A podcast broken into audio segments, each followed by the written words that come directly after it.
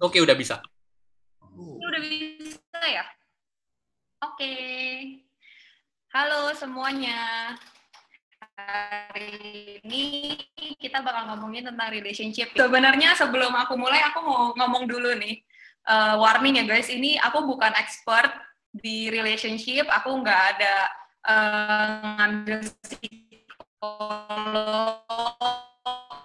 atau apa pun tapi akan uh, firman Tuhan gitu. Jadi nanti um, kalau ada pertanyaan yang bisa mungkin uh, kopur teman-teman sponsor lain mungkin yang ada pengalaman bisa bantu jawabin ya. Oke, okay. aku bakal kasih tahu hari ini kita bakal ngomongin tentang empat topik kalau dari aku. Pertama aku bakal ngomongin tentang gimana sih Tuhan tuh memandang satu relationship.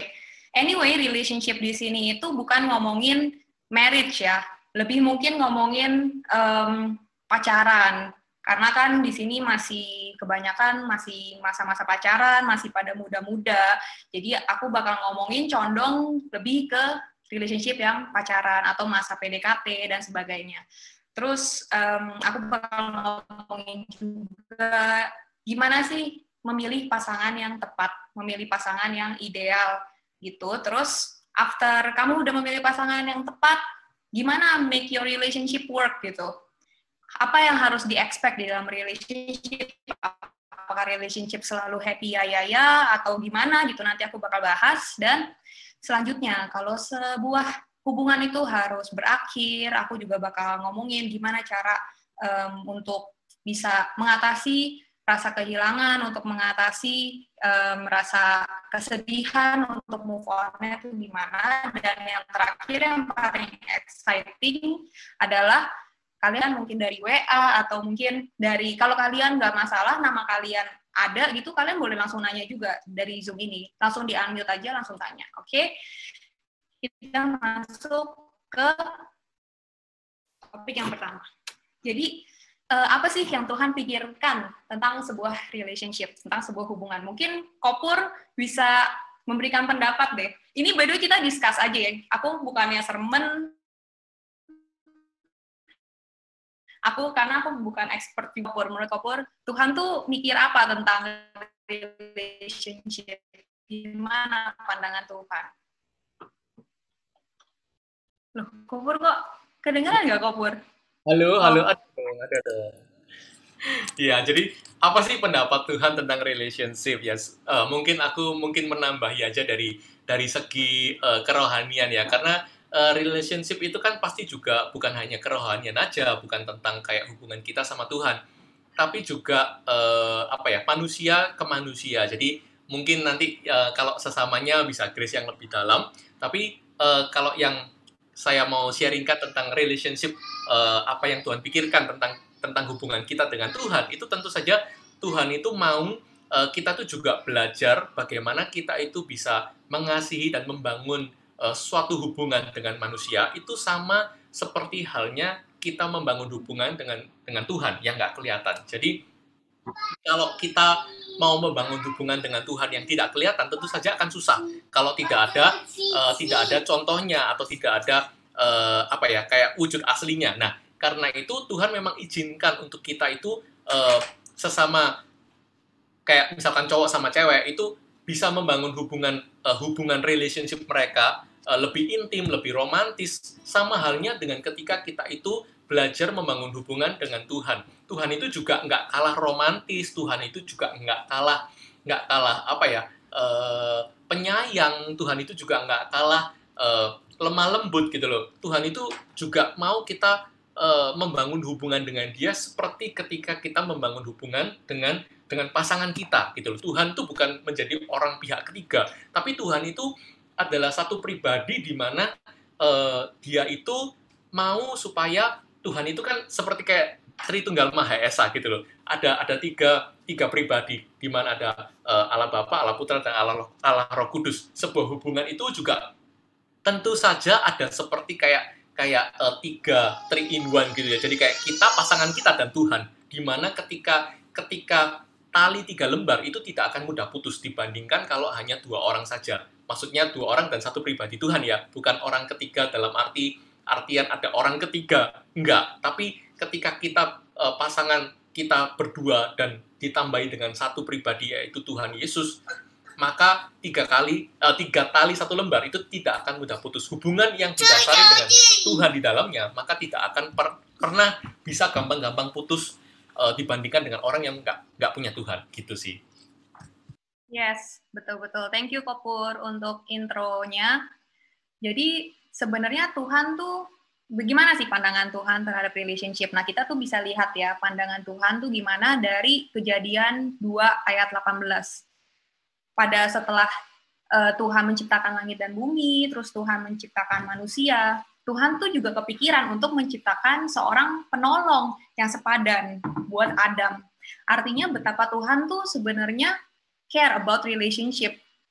Justru Tuhan yang meng-create relationship untuk manusia enjoy tapi karena ada um, dunia yang udah bobrok karena ada iblis konsep relationship atau pacaran itu tuh seolah-olah kayak wah itu tuh nggak bisa dihubung-hubungin deh sama Alkitab gitu. Pacaran ya pacaran e, rohani ya rohani gitu. Kalau pacaran nggak bisa rohani dan kalau rohani nggak bisa pacaran gitu. Mungkin ada yang berpikir seperti itu tapi sebenarnya enggak karena relationship tuh sebenarnya dibuat oleh Tuhan untuk di enjoy seperti kata Kopur bilang kita tuh hmm. bisa menikmati hubungan kita supaya kita tuh bisa ngerti oh ternyata hubungan dengan Tuhan tuh harusnya seperti ini loh gitu. Dan itulah kenapa aku mau bilang bahwa Tuhan tuh sebenarnya senang dengan relationship.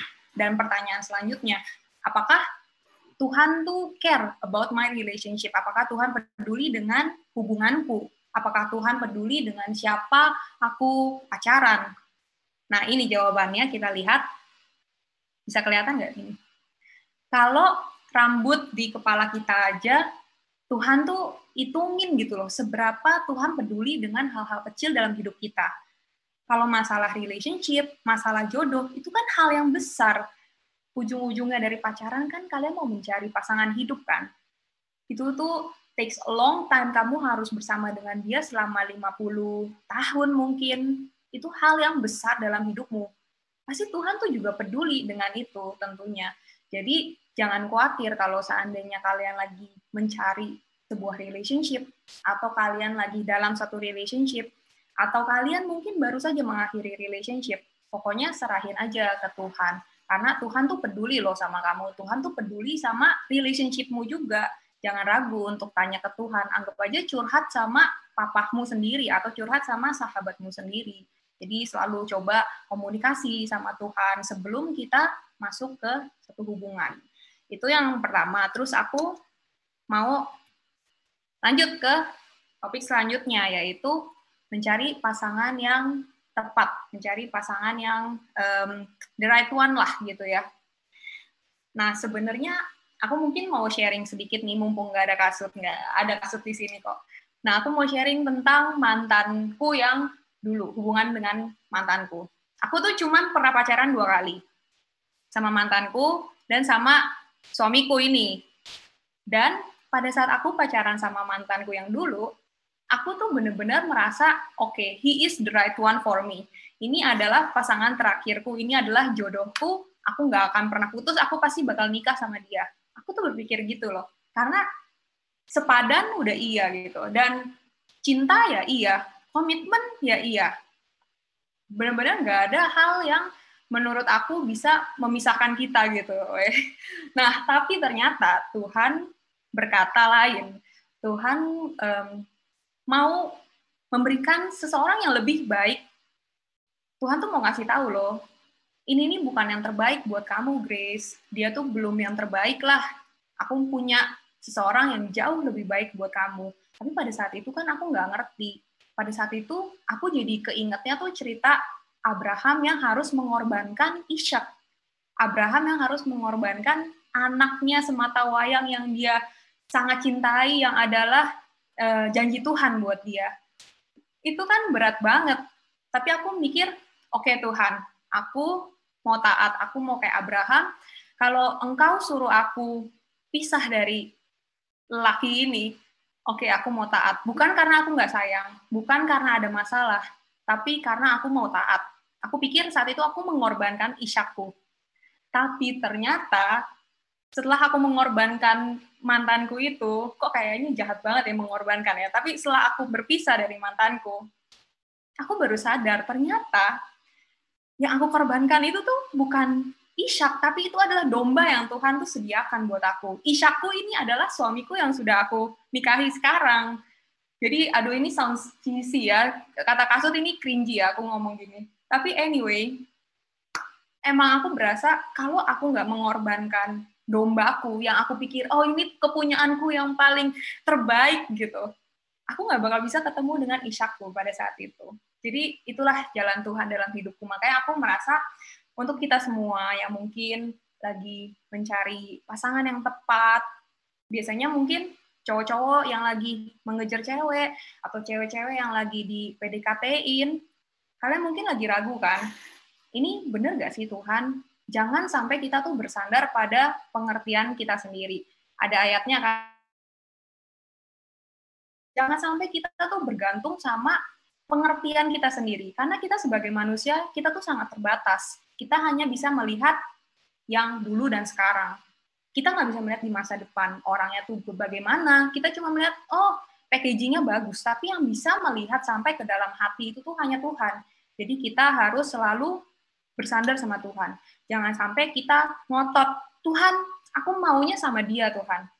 Aku kalau nggak sama dia, aku nggak mau nikah Tuhan. Gitu misalnya ya tapi itu nggak boleh sebenarnya karena Tuhan loh lebih tahu apa yang terbaik buat kita. Contohnya kayak Steve Jobs ya, dia kan yang buat iPhone kan. Dia adalah orang yang paling ngerti iPhone itu fungsinya untuk apa, kompatibelnya sama device apa, ya sama kayak Tuhan. Tuhan yang buat kita, dia yang paling tahu kita tuh kompatibelnya, cocoknya sama siapa gitu. Karena aku percaya ya, Tuhan tuh bukan bapak yang jahat gitu nggak mungkin dia siapin kita jodoh tuh yang kita nggak suka atau jodoh yang um, jahat sama kita pasti Tuhan tuh siapin jodoh yang terbaik buat kita amin. Dan ini nih janji Tuhan. Kalau kita menyerahkan semuanya ke Tuhan kalau kita submit to Him dia bilang He will make your path straight. Artinya dia akan memuluskan jalanmu. Tapi jangan sampai kita memanipulasi Tuhan ya dengan ayat ini yang artinya oke okay deh kalau gitu aku mau ngejar dia. Aku serahin ke Tuhan deh pasti aku bakal jadian. Nggak juga karena Tuhan tuh kalau kamu ujung-ujungnya ke jurang ya Tuhan nggak bakal bikin jalanmu mulus mulus ke jurang gitu. Pasti Tuhan arahin kamu ke tempat yang tepat. Jadi aku bener-bener dari pengalamanku ini aku merasa udah deh serahin aja masalah pasangan hidup kita ke Tuhan. Tapi bukan berarti kita nih nggak berusaha, kita di diem, kita diem di rumah aja, kita menunggu kapan ya pangeranku akan datang atau kapan ya um, putri dari negeri mana gitu akan datang, nggak bisa juga karena burung di udara tuh Tuhan pelihara, Tuhan kasih makan, tapi kan nggak dikasih makannya di dalam sangkarnya kan, dikasih makannya tuh kalau burungnya tuh pergi terbang, nah di situ Tuhan provide. Jadi kita berusaha juga berserah juga sama Tuhan, oke? Okay? Nah, ini next. Ini nih pertanyaan yang biasanya orang selalu bingungin. Kalau dalam mencari jodoh harus pakai hati apa harus pakai otak? Yang mana yang lebih prioritas? Kalau menurut Koko Wilson gimana, Son?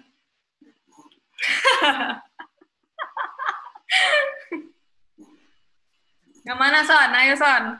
Ada fix sebagai saksi di sebelahmu, ayo. Awas kamu mana pisau. kita buat dua-duanya karena memang dua-duanya itu Tuhan kasih buat kita. So kalau kita dalam memilih itu kita harus menggunakan kedua-duanya. Ada kan ada yang bilang ya, jadi waktu kita pacaran gunakan matamu tuh sebesar-besarnya, bukaan matamu sebesar-besarnya, lihatan pasanganmu tuh seperti apa, apakah kamu bisa menerima. Nah, itu adalah bagaimana kita menggunakan otak kita.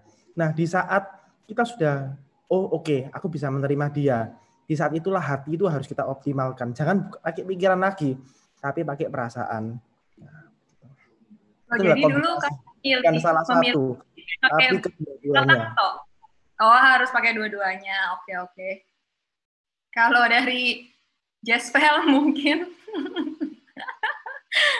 Jasper mau nambahin? Apa Grace? Gimana nih? Kalau Gimana nih? lebih penting otak atau hati kalau milih pasangan? Harus balance. Saling melengkapi lah dua-duanya itu. Kalau otak tapi nggak ada hati ya nanti menderita. Soalnya nggak sayang sama pasangannya. Tapi kalau cuman hati doang, nggak ada otak ya pegel terus. Soalnya nggak cocok. Iya, iya, ya, benar-benar. Kalau kalau kata Cegel kita harus otak. Enggak ya kok ya. kalau Kopur lebih condong ke brain ya kok ya. Kalau harus milih satu kok, nggak boleh pilih dua. Ayo, pilih salah satu. Eh, ya, ya, of course, eh, brain sih, karena karena kita nggak bisa eh, cuman makan cinta, kita harus juga eh, at least pasangan kita juga harus clever, harus harus punya bibit bebet bobot, harus harus ngelihat kayak mata jangan jangan buta dulu sama cinta gitu, karena cinta itu bisa dibangun, cinta itu eh, bisa bisa apa bisa bisa tumbuh asalkan asalkan eh, udah udah udah apa ya udah udah udah oke gitu pasti bisa lah dibangun cintanya. Perasaan itu pasti akan mengikuti gitu. Yang penting jangan salah pilih orang jangan jangan apa jangan jangan sampai juga eh, pasangan hidup kita juga nggak sepadan gitu loh. Jadi eh, perlu dipikirkan dulu matang-matang sebelum terjun ke lembah cinta. Iya. Ya. Tapi kebanyakan orang nanya nih, Kopur, aku tuh sepadan sih kok sama orang ini.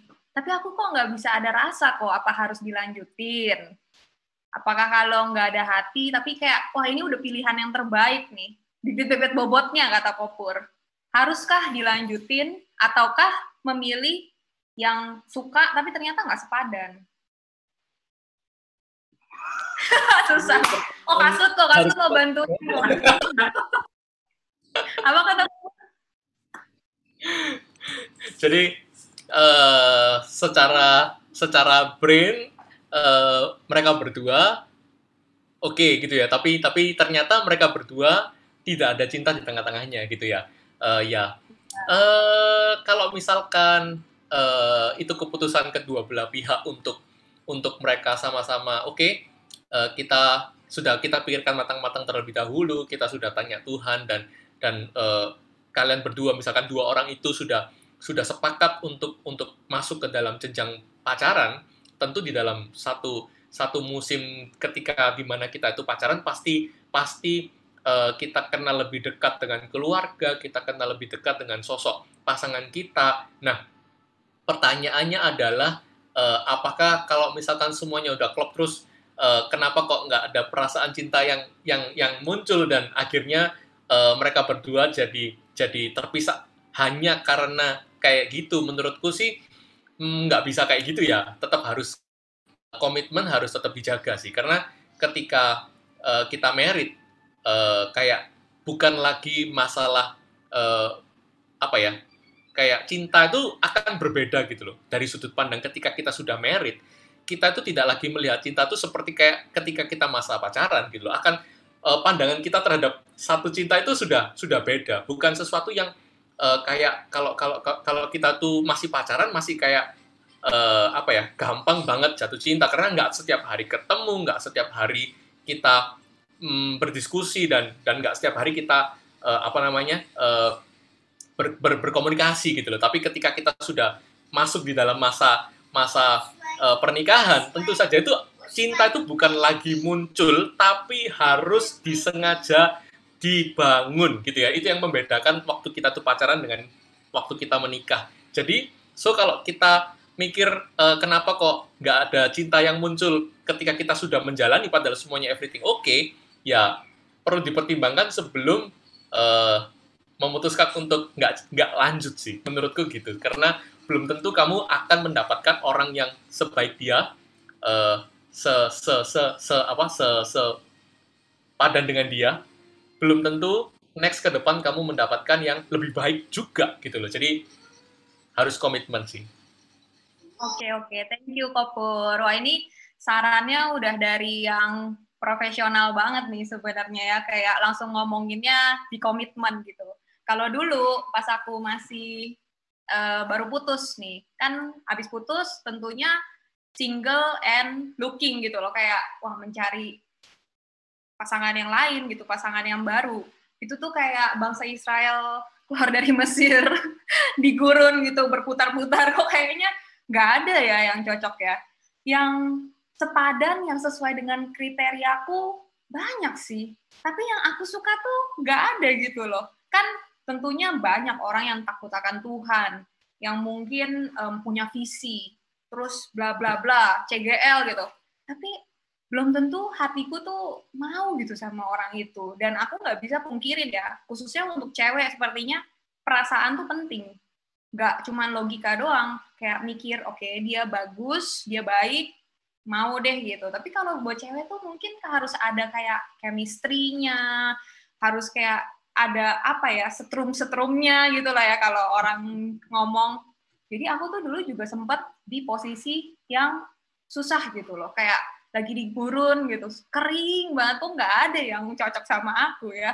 Dulu aku nyari, oh by the way untuk teman-teman yang mungkin lagi mencari pasangan, nah ini aku punya tips juga nih kalian tulis deh kriteria kalian tuh kalian maunya apa. Dulu aku tulis mulai dari hal-hal yang prinsipal, hal yang harus, contohnya harus takut akan Tuhan, bla bla bla, sampai hal-hal yang preference, hal-hal yang kecil, hal-hal yang ada boleh, nggak ada nggak apa-apa. Contohnya mungkin orangnya harus uh, rapi, itu menurut aku untuk cowok ya nggak terlalu penting lah gitu. Yang penting dia takut akan Tuhan. Tapi boleh tuh kalian catat. Jadi setiap kali kalian doain, kalian bisa detail ngomong Tuhan, aku tuh maunya kayak gini. Bukan arti yang ngatur Tuhan, tapi gak apa-apa loh kan kita kayak ngobrol sama papa kita kan. Kita bisa cerita Tuhan aku maunya yang kayak gini nih, ini tipeku nih Tuhan gitu. Kita bisa ngomong ke Tuhan. Dan kalau kita lagi deket sama orang, itu tuh untuk avoid confusion juga kayak oh udah ada kriterianya. Kalau kriteria yang prinsipal nggak cocok, artinya ya udah harus diakhiri gitu. Itu tuh membantu banget buat aku dulu. Oke, jadi anyway, aku dulu kan mencari, mencari, mencari. Yang sepadan banyak, tapi belum tentu aku suka. Dan pada saat itu, ini confession, pada saat itu aku ada suka sama seseorang. Aku tuh naksir sama orang ini. Aku tuh dari dulu merasa nyaman sama orang ini. Tapi dia ini temen aku namanya Kevin Sutrisno jadi aku tuh nggak uh, merasa aku bakal bisa jadian sama orang ini gitu. Kasus di sini tuh senyum senyum senyum senyum dia nggak mau muncul di kamera. Ya jadi aku merasa kok gini ya Tuhan apa yang aku mau nggak bisa nggak sepadan. Dan apa yang sepadan hatiku tuh nggak mau gitu. Tapi Tuhan tuh luar biasa loh guys. Aku tuh punya satu kriteria cowok yang menurut aku ini susah banget untuk cowok lah, jarang banget. Dan kalau sampai ada yang orangnya kayak gini, terus yang um, bisa aku suka dan suka aku balik, itu artinya ada campur tangan Tuhan menurut aku. Itu artinya ada pertolongan Tuhan dalam hidupku karena ini aneh gitu loh kriterianya. Tapi kok ternyata bisa ya si Kasut ini, si Kevin Sutrisno ini tuh diproses sama Tuhan, di level up sama Tuhan, untuk jadi sepadan sama aku, dan ya dia bisa suka sama aku. Aku juga nggak ngerti, karena dia dulu tuh my bro gitu loh. We were bros. Kita tuh sama sekali nggak mikir mau cinta-cintaan. Kita tuh dulu bener-bener temenan pol lah ibaratnya kok bisa jadian? Nah itu itu hadiah dari Tuhan. Jadi good news for you guys yang lagi mencari. Kalian tuh nggak perlu memilih antara hati atau brain. Kalian nggak perlu memilih antara logika atau perasaan kalau kalian udah pilih Tuhan Yesus. Kalau kalian pilih Tuhan Yesus untuk jadi pengarah kalian, untuk jadi pemimpin dalam hidup kalian, kalian tuh nggak perlu milih. Karena aku kan susah kan memilih. Aku nggak mau Tuhan milih yang emang sepadan tapi aku nggak mau aku nggak suka orangnya nggak cocok sama aku aku nggak mau tapi Tuhan tuh baik loh aku nggak disuruh milih aku dapet yang emang cocok dan yang sepadan sama aku itulah baiknya Tuhan kita jadi kita tuh nggak perlulah pusing seperti dunia ini ya memilih yang yang sepadan yang hati yang otak apa kita pilih Tuhan kita aja kita pilih Tuhan Yesus aja pasti Tuhan tuh bakal bisa kasih pasangan yang kita mau will give us the desire of our heart, I think gitu. Amin. Oke, okay. iya, oke. Okay. Next, kita, oke kan setelah tadi ngomongin tentang yang single dan mencari pasangan, terus ini untuk yang udah masuk ke dalam satu hubungan. Apa sih yang di-expect nih dalam satu hubungan? By the way, suaraku putus-putus gak ya? Enggak kan ya? Lancar. Oke. Okay. Oke, okay, oke. Okay. Jadi ini masuk ke dalam satu hubungan apa yang di-expect dari satu hubungan? Apakah hubungan itu mulus-mulus aja, ataukah gimana gitu? Mungkin ada beberapa orang yang pikir, wah enak ya si Grace sama si Kasut nih, kayaknya udah cocok gitu. Kayaknya nggak berantem-berantem ya. Kata siapa? Dulu pas pacaran ya sama kayak manusia biasa gitu. Kalau berantem ya berantem.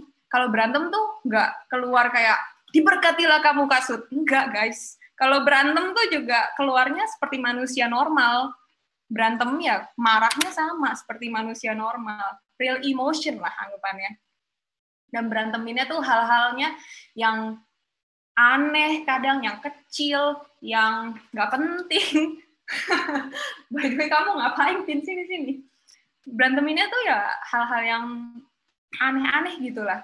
Jadi bukan berarti kamu udah ketemu pasangan yang sepadan, yang udah serasi, terus kalian hubungannya mulus-lus gitu kayak jalan tol. Enggak juga. Pasti tetap aja ada konfliknya.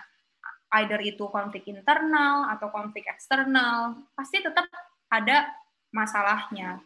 Tiap pasangan dinamikanya juga beda. Ada yang masalahnya ini, ada yang masalah itu, sangat unik gitu. Tapi hari ini aku nggak ngomongin spesifik masalah apa, cuman aku ngomongin gimana sih kira-kira untuk meminimize masalah-masalah um, yang ada di dalam relationship. Kalau yang dulu aku sama Kasut alamin ya, ini sih yang paling penting. Pertama, kita tuh nggak boleh expect hubungan kita tuh selalu happy. Ini kalau kita expect ya, oke okay, hubungan itu harus happy-happy, nggak boleh ada berantem, nggak boleh. Itu tuh salah, karena ya nggak mungkin kamu menyatukan dua orang yang berbeda yang latar belakangnya berbeda, terus sama sekali nggak ada gesekan. Orang kita sama kadang sama keluarga kita aja tuh ada cekcoknya kan, pasti ada beda pendapatnya kan. Jadi itu salah kalau kita berpikir hubungan akan selalu happy. Dan kita juga nggak boleh expect uh, pasangan kita untuk selalu membahagiakan kita. Karena our own happiness is our relation is our responsibility gitu. Karena itu adalah tanggung jawab kita. Kita nggak boleh mikir kamu yang harusnya bahagiain aku. Itu jadinya saling menuntut.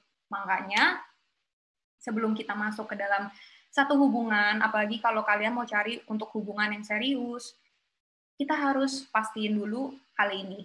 Coba kita lihat ya. Kita harus pastiin dulu bahwa kita itu tuh udah happy di dalam Tuhan. Kita tuh udah full sukacita kita tuh udah penuh di dalam Tuhan. Supaya kita itu tuh satu. Kan Tuhan kalau menggabungkan pasangan tuh satu plus satu jadi satu kan kalau kita tuh masih kayak menuntut pasangan kita untuk bikin kita happy itu artinya kita tuh belum satu. Kita tuh masih setengah atau seperempat atau kita tuh nggak penuh. Dan yang ada hubungan itu akan penuh dengan tuntutan akan penuh dengan konflik gitu. Tapi kalau kita udah sukacita di dalam Tuhan kita udah full kita udah happy dengan diri kita sendiri kita tuh bukan yang menuntut tapi kita malah mau memberi kita malah mau mengasihi pasangan kita. Nah itu sih yang aku um, pelajarin gitu. Bukannya aku udah perfect dalam hal ini enggak. Tapi ini adalah satu hal yang good to know gitu loh. Kalau aku tahu aku jadi oh kalau saat kasut lagi bad day gitu lagi bad mood aku nggak expect kayak kok kamu nggak happy hari ini? Kok kamu nggak um, ceria sih? Orang aku lo lagi ceria gitu. Aku nggak expect dia apa-apa. Kita bertanggung jawab dengan diri kita masing-masing dan kita uh, sukacita kita bukan dari pasangan kita, tapi dari Tuhan. Dan yang kerennya nih, di dalam Mazmur, dia bilang gini loh, kalau kamu tuh bersukacita di dalam Tuhan, He will give you the desire of your heart. Ini kan seperti kebalikannya apa yang dunia ajarkan. Kalau dunia ajarin gini, kalau kamu dapetin apa yang menjadi keinginan hatimu, kamu happy. Tapi Tuhan ajarin apa? Kita happy dulu baru Tuhan akan berikan apa yang menjadi keinginan hati kita. Nah ini yang kita harus terapin di hubungan. Kita harus happy dulu. Kita harus suka cita dulu. Nanti Tuhan akan kasih hubungan yang hati kita pengenin gitu. Itu sih yang aku pelajarin. Terus nextnya nih, yang aku um, jalanin juga. Kadang tuh kalau aku lagi berantem sama kasut, kebanyakan aku merasa itu karena saat aku lagi jauh dari Tuhan. Bukannya jauh gimana, tapi kan namanya hubungan uh, sama pasangan atau hubungan hubungan tuh kan fluid ya, maksudnya bisa turun naik turun naik. Kadang tuh uh, kalau lagi mungkin nggak saat teduh, udah lama nggak ngobrol sama Tuhan, hati tuh jadi lebih emosional, hati tuh jadi lebih anxious, lebih insecure. Mungkin yang biasanya kasut ngomong A, aku mikirnya oh ya A. Tapi gara-gara aku lagi jauh dari Tuhan, kasut ngomong A, aku nganggapnya lain, aku nganggapnya B. Aku kayak, maksudmu B ya? Gitu. Padahal kasut mestinya A. Nah itu karena, itu ngaruh banget karena kita tuh lagi jauh dari Tuhan. Tapi saat kita deket sama Tuhan, hati itu lebih damai. Kadang kalau kasut ngomong yang nggak um, enak, tapi hati kita lagi damai, itu tuh nggak jadi berantem. Ya cuman ngobrol biasa aja gitu. Makanya aku bilang di sini, God is the glue of relationship. Makanya selalu taruh Tuhan di tengah-tengah hubungan kita. Dan what, aku sering banget lihat ilustrasi ini. Saat kita dalam hubungan, jangan nganggap hubungan kalian tuh cuman kayak dua orang jadi satu, tapi selalu anggap ada Tuhan di atasnya, jadi kayak segitiga gitu. Kebayang nggak? Jadi ini kali ya, ini kamu, ini pasanganmu, terus Tuhan di atasnya. Kalau kamu semakin deket sama Tuhan, kan kalian berdua itu juga semakin deket kan jaraknya kan. Jadi itulah kenapa kita tuh harus put God in our relationship, put God at the center of our relationship, supaya kita tuh ngejarnya ngejar Tuhan gitu. Dan dengan otomatis kita juga makin dekat sama pasangan kita. Nanti kalau kalian mau tanya, um, bingung, kurang jelas, boleh di WA atau boleh nanti langsung di Zoom ya guys. Uh, next. Jadi ini setelah kalian masuk dalam relationship, ternyata hubungan ini nggak berjalan, harus diakhiri. Nah, gimana sih caranya untuk um, mengatasi rasa kesedihan itu, mengatasi rasa kehilangan itu. Kasut mungkin mau sharing kalau mengatasi kehilangan? Enggak, hmm. nama dasar. Oke, okay. Uh, karena dekat sama Tuhan, nah ini ini nggak akan konflik guys, nggak nggak bercanda. Jadi kalau dulu ya, aku putus sama mantanku, jadi aku tuh punya pengalaman putus ya satu itu tok sebenarnya karena sama yang ini nggak putus sih guys, thank God ya. Kalau dulu, walaupun aku pada untuk sekarang aku ngerti bahwa dia tuh bukan yang terbaik buat aku, dia hanya domba, dia bukan isyaku, aku nggak kehilangan yang terbaik dalam hidupku. Tapi pada saat itu, siapa yang tahu kan? Pada saat itu aku merasa, aduh, kenapa Tuhan aku harus berpisah? Ini kayak dramatis gitu ya kenapa Tuhan aku harus pisah? Ini tuh yang aku paling sayang, ini tuh udah yang terbaik buat aku. Jadi waktu itu walaupun taat ya, walaupun rohani ya, tetap aja sedih, tetap aja bertanya-tanya gitu, kenapa sih harus putus? Tetap aja harus galau-galau. Jadi gimana aku mengatasi kegalauanku itu? Seperti manusia biasa, um, ya aku mencoba untuk sibuk, mencoba untuk nonton film uh, yang lucu-lucu, mencoba untuk um, pergi sama teman-teman. Tapi setelah aku mencoba banyak-banyak hal itu, ternyata cuma satu yang benar-benar ngaruh di hatiku ya, yaitu saat aku mencari penghiburan di dalam Tuhan. Aku belajar bahwa kalau kita kena luka tembak, di di door gitu. Jangan dipakein Hansaplas. Kalau kita kena luka tembak, pergi ke dokter, dijahit, dikeluarin pelurunya, pergi ke profesional. Nah, siapa sih yang profesional di dalam broken heart? Ya Tuhan kita. Bahkan ada ayatnya. Nah, ini. Dia itu menyembuhkan mereka yang sakit hati, yang patah hati. Dan bahkan menyembuhkan lukanya mereka gitu. Ini dia tuh Tuhan Yesus. Tuhan Yesus yang bisa menyembuhkan luka batin kita. Apa pun itu, hati kalian udah pecah seribu, pecah sejuta, apa pun itu, Tuhan tuh bisa pulihkan itu. Aku merasa dulu pada saat aku mencari aktivitas lain, aku pergi dengan teman-temanku, itu sama aja kayak aku cuma naruh kaca plas di luka tembak. Itu nggak bisa heal apa-apa. Itu cuma nutup-nutupin doang. Itu cuma distraction buat aku. Tapi saat aku mendapat penghiburan di dalam Tuhan, itu sama kayak aku bawa lukaku ini ke seorang profesional untuk diobatin. Dan dia tuh peduli loh dengan luka kita. Saat kita sakit hati, dia juga sakit. Saat kita sedih, dia tuh juga sedih. Karena dia tuh imam yang bisa mengerti perasaan kita. Dia tuh bisa bersimpati dengan kita. Jangan kita kira Tuhan kita adalah Tuhan yang jauh, yang super power gitu, yang nggak pernah ngerti kelemahan kita. Enggak kok, Tuhan tuh juga ngerti loh. Saat kita sakit hati, kita putus. Kata siapa Tuhan nggak ikut sedih? Tuhan tuh juga sedih. Orang kita loh, anak-anaknya, kita tuh disayang sama dia. Kalian lihat, kalian pernah nggak sih kayak sedih gara-gara orang yang kalian sayangin tuh sedih.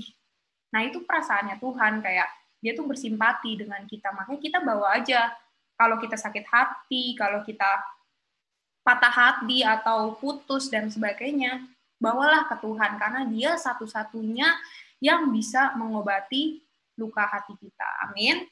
Dan yang aku tangkep pada saat itu nih, pada saat aku galau-galau, aku sempat di hari-hari di mana parah galaunya, itu aku pernah doa ke Tuhan, aku bilang, ini rada kurang ajar sih, jangan ditiru ya. Aku tuh ngomong gini ke Tuhan, Tuhan, kan kamu yang suruh aku putus. Ayo bikin aku nggak galau lagi, gitulah. Kalau nggak salah ya, pokoknya ya mirip-mirip gitulah kata-katanya. Jadi aku bilang, iya Tuhan, aku kan nih cuma taat loh. Aku loh nggak nyari-nyari masalah. Aku ini putus, aku tuh taat sama engkau. Ayo Tuhan, engkau yang bisa bikin hatiku tuh whole lagi. Engkau yang bisa bikin aku nggak galau-galau lagi. Dan di situ Tuhan kasih pengertian ke aku. Tuhan ajarin bahwa ini, kita tuh harus kasih hati kita ke Tuhan. Every pieces yang left mungkin, yang udah broken, kasih ke Tuhan supaya Tuhan tuh bisa mendit, Tuhan tuh bisa utuhin lagi. Dan aku nangkep bahwa kalau kita kasih hati kita ke Tuhan, nanti orang pasangan yang akan datang itu tuh kalau mau nyari hati kita, dia tuh harus nyari Tuhan dulu. Dia tuh nggak langsung main jalur pintas ke kita, jadi ada seleksinya, diseleksi sama Tuhan dulu. Jadi itu kan lebih aman buat hati kita gitu. Jadi itulah harus serahin hati kita ke Tuhan karena dia itu papa yang baik. Selalu aku pengen ngomongin bahwa dalam perjalanan hidupku, dalam perjalanan hubunganku, kenapa kok aku bisa sampai sini? I'm not just lucky. Aku bukan cuman beruntung guys, tapi aku tuh bener-bener serahin ke Tuhan dan aku percaya Tuhan itu Tuhan yang aktif turut campur dalam kehidupanku, kehidupan kita semua, orang-orang yang dikasihinya. Amin. Kok aku nggak bisa next nih? Oh, udah. Oke, sekarang saat yang sudah ditunggu-tunggu. Saatnya aku bakal, bukan aku deh, teman-teman di sini semua yang bantuin aku bakal jawabin pertanyaan dari kalian. Sebenarnya kemarin tuh udah ada beberapa yang uh, kopur siapin ya pertanyaannya. Nanti itu aku akan jawabin juga. Oke, kita masuk ya. Kalau ada yang masih mau nanya lagi, boleh dari WA atau dari Zoom. Kelihatan nggak sih ini? Yeay, semuanya setuju. Grace yang jawab.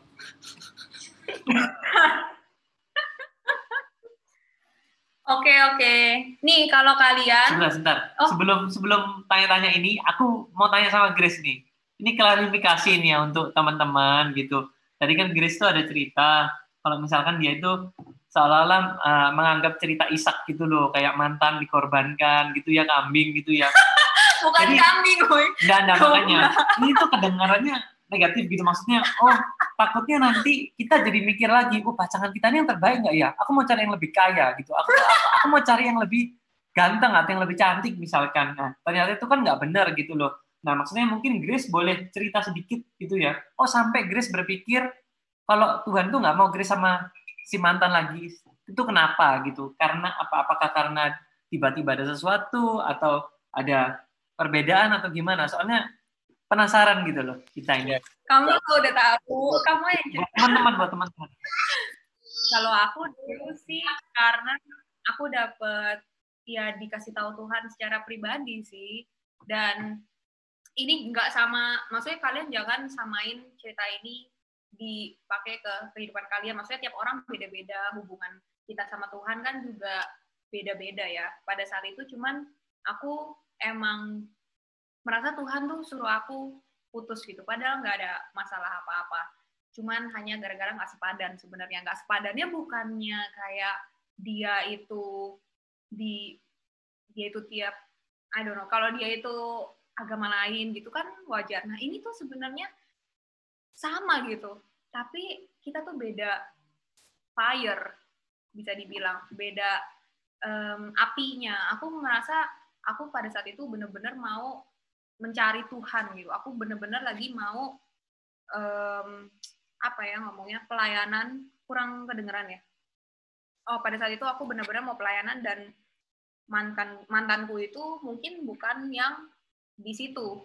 Mantanku itu berbeda lah. Melarang, jadi melarang gitu ya. Eh, ya bisa dibilang gitu. Padahal sama-sama Kristen sama-sama ke gereja nggak sesat bukan Kristen yang sesat tapi eh, ya beda beda beda level dari eh, rohani beda apinya.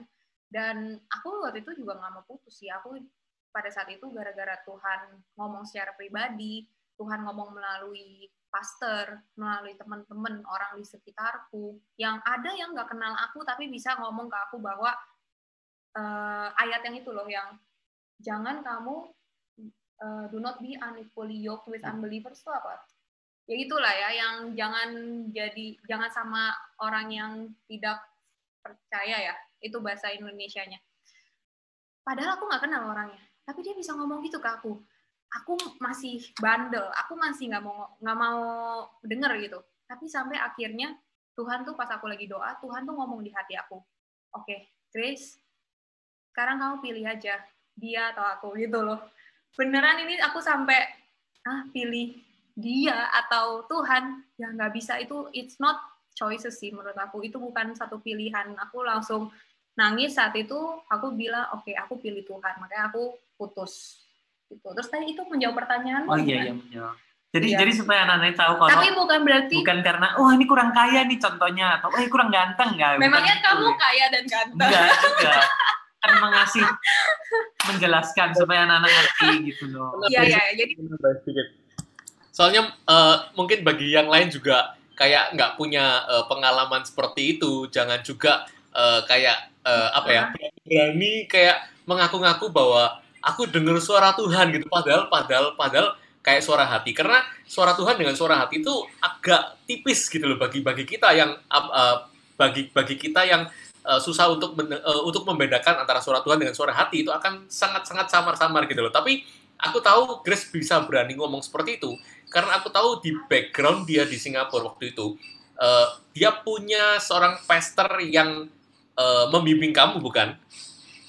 hmm, Maksudnya bukan pastor sembarangan pastor yang kayak orang lewat tadi itu sih itu exception lah ya. Itu itu, itu kayak kayak eh, pengecualian. Tapi untuk untuk ada ada pastor sih ngom- yang ngomong sama kamu bahwa eh kamu putus so dengan dengan banyak berbagai macam alasan eh, kamu nggak denger dari sembarangan orang gitu loh karena karena Tuhan tentu saja tuh nggak ngomong dari dari dari apa sih keledai yang tiba-tiba ngomong Tuhan itu terlebih dulu ngomong sama sama orang yang paling deket sama kita dulu gitu loh. Jadi bukan tiba-tiba kayak eh, ada suara Tuhan yang muncul eh, out of nowhere somewhere tiba-tiba orang ngomong eh, kamu harus putus. Ya enggak gitu. Atau atau bahkan kamu harus jadian sama orang itu. Nggak bisa gitu. Loh jadi eh, aku percaya Grace dengar suara dari Tuhan juga dikonfirmasi dari pastornya ataupun dari dari pemimpinnya waktu-waktu dia di eh, dia di, di Singapura itu gitu. Jadi nggak sembarangan orang Iya. yang harus putus terus kita bisa terima dan percaya gitu. Benar, pada saat itu juga aku terus mengkonfirmasi sih.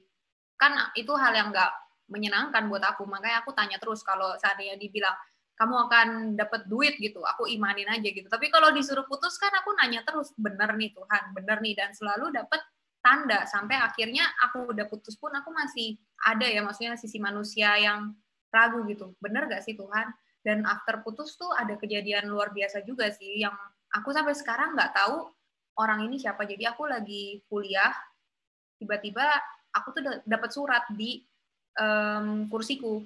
Sementara di tempat kuliahku ini nggak ada yang tahu aku pacaran kayak aku bukan bukan kasut yang ngirim surat guys bukan.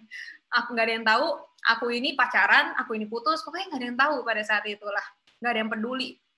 Eh terus kok bisa ada surat ngomongnya gini loh kayak Tuhan loh yang mengatur uh, seluruh bintang-bintang di langit dia itu menempatkan bintang-bintang itu spesifik itu sama kayak Tuhan itu sangat spesifik menempatkan orang-orang di dalam hidupmu.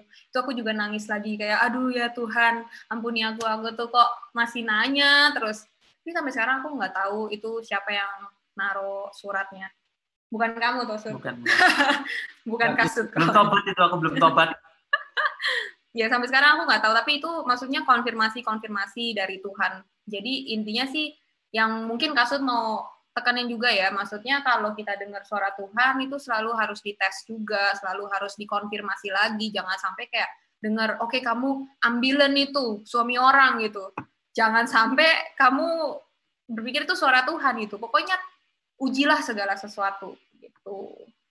Gimana? Boleh dimulai? Siap, sila, silakan dimulai pertanyaannya. Oke, okay.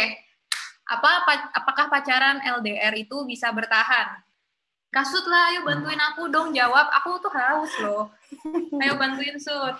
Kalau menurut saya, LDR nggak LDR, LDR tuh sama aja. Sebenarnya tergantung komitmennya setiap orang gitu ya. Lu jadi bingung mau ngomong apa. Ya jadi kalau misalkan kedua belah pihak mau serius, apa pun tantangannya ya pasti bisa dilewati gitu loh. Tetapi kalau salah satu atau dua-duanya nggak serius, mau semudah apa pun jalannya, ya tetap akan berpisah jadi kalau menurutku LDR nggak LDR sama aja. Yang penting komitmennya gitu. Harus di adjust. Uh, of course berbeda. Misalkan apalagi yang pasangan yang dulunya nggak LDR terus tiba-tiba jadi LDR. Itu mungkin lebih berat daripada yang dari awal LDR gitu ya karena sudah terbiasa seperti ini lalu kebiasaannya diganti. Jadi aku rasa komunikasi sekali lagi perlu dibutuhkan untuk menimbang-nimbang dan merencanakan gitu. Maksudnya ekspektasi dan keinginan sesama ini bisa terpenuhi. Itu sih dari hmm. Setuju sih. Jadi intinya LDR bisa nggak bertahan? Jawaban singkatnya bisa. Maju terus, pantang mundur. Terus next, cinta atau komitmen yang lebih penting? Mungkin kita bisa tanya juga uh, teman-teman yang pacarannya udah lama gitu, kayak Sebasela mungkin mau sharing-sharing insight cinta atau komitmen sih yang bikin kalian tuh bisa lama dan akhirnya masuk ke pernikahan gitu. Mbak Sela? Ya. Cinta dan komitmen ini sebetulnya sama kayak poinnya tadi yang brain or heart sih. Jadi jawabannya balik lagi ke poin yang itu kayaknya. Eh, mana sih? Jelas ya sih aku ngomong? Halo? Benar-benar, jelas. Oke. Okay. Masuk sama rambut petal, bubas tadi. Ini hasilnya barber baru nih. Mana aku nggak kelihatan. Ah, sudah aja lah. Tolong dipotoin ya, Bas ya. Oke. Okay. Ya, itu tuh sih jawabannya. Soalnya kalau enggak, ngulang lagi yang brain or heart itu sih. Ya, ya benar-benar. Ya kalau cinta ya perlu, komitmen ya perlu. Tapi menurutku yang bikin hubungan bertahan tuh bukan cinta, tapi komitmen kalau aku. Karena cinta itu biasanya ya pemanis di depan lah. E, cinta itu juga kan dari kamu awal-awal kamu cinta yang kasmaran-kasmaran gitu ya, yang malu-malu gitu. Tapi kalau udah kamu pacaran lama, mungkin makin lama kan cintanya berubah jadi mungkin kayak lebih cinta yang karena akrab, karena sayang, karena udah kenal lama gitu, bukan yang masih malu-malu lagi gitu cinta kan juga berubah-berubah gitu. Kalau kita bergantung sama cinta, cinta, cinta doang, ya kita nggak akan bisa bertahan karena cinta itu sangat nggak konsisten. Makanya komitmen lah yang bisa mengikat hubungan itu sampai lama gitu. Dan aku percaya sih kalau orang yang bisa komitmen, cinta itu tuh bisa gampang lebih tumbuh ya. Bener gak, Sud? Hmm, benar. Oke. Ya, oke, nextnya. Bolehkah balikan sama mantan? Kopur, kopur. Ya, boleh kok, Pur. Silahkan dijawab. Wilson, eh Wilson itu loh sama Vic mau jawab sudah. Oh, iyalah. Nggak boleh katanya, nggak boleh itu. Ayolah, bantu-bantu jawab. lah. Esom, Esom. Wilson, jawab. Wilson. Aja, aja, aja. Aja lah, wis. aja, aja aku. Duh. Lu kenapa? Jawab, ojo balik, San. Nah, sebenarnya nggak nggak ada rules lah kayak maksudnya boleh atau enggak itu nggak ada rules ya toh. Cuma Oh, kita enggak. Alangkah kalau menurutku pribadi ini ini sebenarnya opini lah. Nggak nggak ada rules yang mengatakan boleh atau enggak bahkan firman Tuhan pun nggak ada bilang nggak boleh atau boleh nggak ada. Tapi kalau aku dari pribadi opiniku sih better enggak. Karena eh, balik ke mantan itu pada sama kayak kita baca buku diulang lagi gitu. Jadi ya ya ceritanya ya pasti unda-undi lah. Kayak kurang lebih akan akan sama gitu loh. Ya kecuali memang ada intervensi Tuhan. Kayak mungkin dia dia bertobat atau eh, hal lain lah. Kayak ya something special lah. Tapi pada umumnya itu sih tidak terjadi. Nah kalau kalau memang itu ya lebih baik dibicarakan sama nggak tahu leader atau teman-teman atau apa gitu loh. Apakah mereka support atau enggak? Karena kalau memang dari Tuhan di, di saat kita tuh tertanam di komunitas yang memang di dalam Tuhan mereka itu pasti mendukung kita gitu loh. Gitu Oke, thank you Wilson. Kau pun mau nambahin? Enggak, oke. Next, em, apakah mustahil untuk temenan sama mantan? Ya jawabannya tidak mustahil sih, tidak ada yang mustahil di dalam Tuhan. Tapi itu juga karena menurut aku eh, ya kalau dulunya sebelum kamu jadian em, orang ini adalah teman kamu gitu, satu geng. Ya pastinya kalau kamu udah putus, jangan sampai musuhan lah. Ya nggak apa-apa, temenan lagi. Masa gengnya harus bubar atau gimana gitu. Tapi kalau seandainya dulunya kalian nggak temenan, deket karena memang PDKT, ya menurut aku eh, nggak perlu ada hubungan lagi sih kalau aku. Karena aku nih eh, melihat diriku tuh lemah ya. Dulu aku memang sama mantanku tuh nggak temenan. Karena aku tahapnya ya PDKT terus pacaran bukan dari temenan. Jadi aku merasa pas udah putus buat apa stay friends? Kalau memang dulunya sama sekali nggak ada temen dan nggak ada mutual friends gitu. Aku menjagai hatiku. Aku menjagai supaya aku jangan mencobai diriku sendiri juga. Kalau aku terus-terusan chattingan sama mantanku bohong lah kalau bilang hatiku tuh nggak akan ini lagi meleleh lagi gitu. Aku kan manusia doang. Jadi ya gitulah kita menjagai diri kita sendiri ya. Kalau kasus mau tambahin? Iya, benar setuju. Ah, kasus setuju-setuju doang nih. Pasangan yang setuju. Terus ini nih Susut, kamu jawab ini nih Sud. Ayo, menemukan pasangan hidup atau sukses dalam karir menurut kamu yang lebih dulu? Kopur? Ayolah, Oh kamu ya, yang- nggak Nah. nggak usah. Menemukan pasangan hidup atau sukses dalam karir duluan gitu ya. Kalau menurutku kita harus jadi orang yang fleksibel, fleksibel dengan tuntunan Tuhan gitu ya. Kalau selama kita contoh lah kita ini masih kuliah gitu ya, mau selesai-selesai kuliah, eh kita kan belum kerja, tiba-tiba dapat pasangan yang cocok yang yang istilahnya tuh yang sepadan gitu. Kamu bisa lihat, oh nanti ke depannya bisa sama cewek ini. Ya, go ahead gitu. Jangan sampai kita menutupi kita, menutup pintu, pintu yang dibuka Tuhan itu kita tutup sendiri. Contohnya, kita berpikir bahwa menurutku harus sukses dulu baru dapat cewek gitu. Terus, wes gak jadi wes sama si cewek ini. Nah, aku rasa jangan gitu gitu loh. Kalau memang benar itu pasangan yang ditentukan sama Tuhan, jalanin aja. Kamu mulai kerja apa jalanin, pasti dia akan stay by your side. Pasti dia akan nunggu kamu gitu. Itu kira-kira contohnya gitu. Jadi menemukan pasangan hidup dulu atau sukses dulu itu tergantung setiap orang beda-beda gitu. Ada plus dan minusnya. Kalau kalau ngomong secara logika ya plus minusnya. Kalau kita ketemu pasangan dulu di waktu kita susah, terus kita baru kerja dan sukses nantinya itu akan ada emosional itu ini plusnya lah ya akan ada lebih ke apa ya lebih ke bondingnya kita karena dulu kita susah bareng kita kerja bareng gitu tapi of course it's not easy gitu loh tapi kalau sukses dulu baru ketemu pasangan hidup ya nggak apa-apa ya mungkin lebih mudah nanti di depannya lebih nggak usah melewati yang susah-susah gitu jadi itu ada plus dan minus sendiri tergantung masing-masing orang jadi ya fleksibel pada tuntunan Tuhan gitu kalau Hmm. Kopur mau nambahin itu loh. nambahin. Eh, ini dari, dari opini ku loh ya, sekali lagi yang kasut katakan itu betul juga. Kayak setiap kita itu di posisi yang berbeda-beda dan eh, keputusannya itu juga bisa eh, kembali kepada setiap orang. Tapi kalau aku prefer eh, sebagai cowok ya, karena pikirannya kan beda kalau, kalau cowok sama cewek mungkin akan akan ada beda persepsi gitu loh. Tapi kalau aku cowok, eh, aku sih lebih cenderung ke sukses duluan baru menemukan pasangan. Karena apa? Karena kalau eh, kita sudah sukses, at least bukan sukses dalam arti sudah punya segalanya, enggak. At least punya satu pekerjaan di bidang kamu bisa pegang untuk kehidupanmu kelak.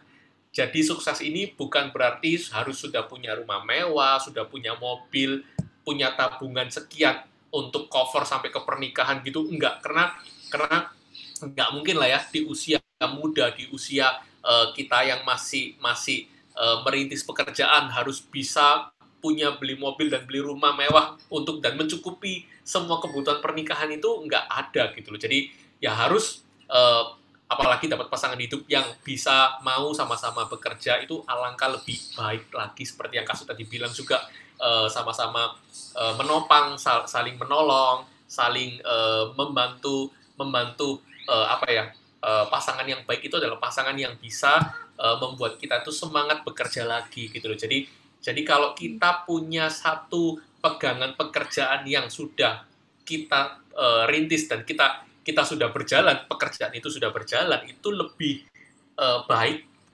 bagi kesehatan hubungan kalian. Itu pastinya. Soalnya kalian bisa mencukupi kebutuhan kalian sendiri, kalian nggak harus minta sama orang tua, kalian tidak membebani pasangan kalian, dan kalian bisa eh, untuk planning ke depan itu lebih fleksibel. Kalian mau mau bawa hubungan ini gimana, seturut dengan kalian seperti juga membangun pekerjaan kalian dan karir kalian ke depan itu seperti gimana. Jadi lebih bagus kalau dimulai dari ada pondasi uh, financial yang kuat karena kita nggak boleh merem dari financial. Pacaran juga perlu uang, uh, apalagi tingcing juga perlu uang, merit juga perlu uang dan kita hidup di Surabaya itu bukan desa ya, itu kota besar. Jadi perlu banyak biaya untuk kita pacaran aja nggak bisa harga 100 ribu gitu loh. Jadi kalau kita mau berani ngambil anak orang, kita harus bisa tanggung jawab sama diri kita sendiri. Kita harus bisa meyakinkan bahwa anak orang yang kita bawa lari itu harus kita bisa kasih makan, bukan hanya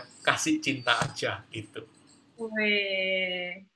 Saya mau tambahin sedikit ini. Bener aku setuju banget dengan Kopur. Nah, tapi Kopur yang dimaksud di sini adalah sukses yang biasanya Kopur pasti sering dengar teman atau ngomong, ah wes lah nanti ayah aku cari cewek, pusing cari cewek sekarang, mending aku nanti ikut sekolah, cari cewek gampang gitu kan. Semua cewek pasti nempel. Nah, itu aku tidak setuju kalau itu. Kenapa? Karena ketika kamu sudah ada di atas, kamu nggak tahu perempuan yang mau sama kamu itu karena apanya kamu nggak bisa bedain sudah gitu. Karena semua akan menampilkan dirinya sebagai yang terbaik di depanmu.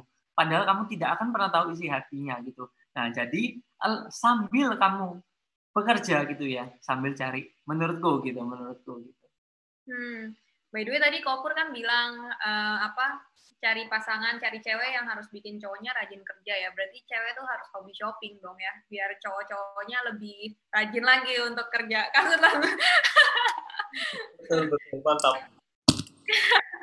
Kalau kalau menurutku sih ya ya benar sih. Maksudnya jangan gini loh kalau cewek ya ini tapi aku nggak tahu ini apakah aku mewakili perasaan cewek atau enggak tapi kalau menurut aku cewek itu juga nggak nyari yang udah jadi gitu udah sukses banget tapi harus ada visi ke depannya. Mau kerja apa mau eh, ke mananya gitu loh. Karena kan cowok tuh yang jadi kepala nantinya. Jadi dia mau ke mana cewek yang ikut. Nggak bisa kayak cowok tuh ya udah santai-santai aja gitu. Dan di Alkitab juga sebenarnya itu biblical bahwa Adam itu ada kerjaan dulu kayak ngurusin Taman Eden baru ada Hawa untuk dijadiin penolongnya yang sepadan. Jadi ya bener cowok tuh harus ada kerjaan dulu lah. Nggak nggak usah sukses. Sukses kan ukurannya kan nggak tahu kita sukses tuh semana nggak usah sukses tapi harus ada kerjaan dulu lah. Kalau mau kata kopur bawa lari anak orang.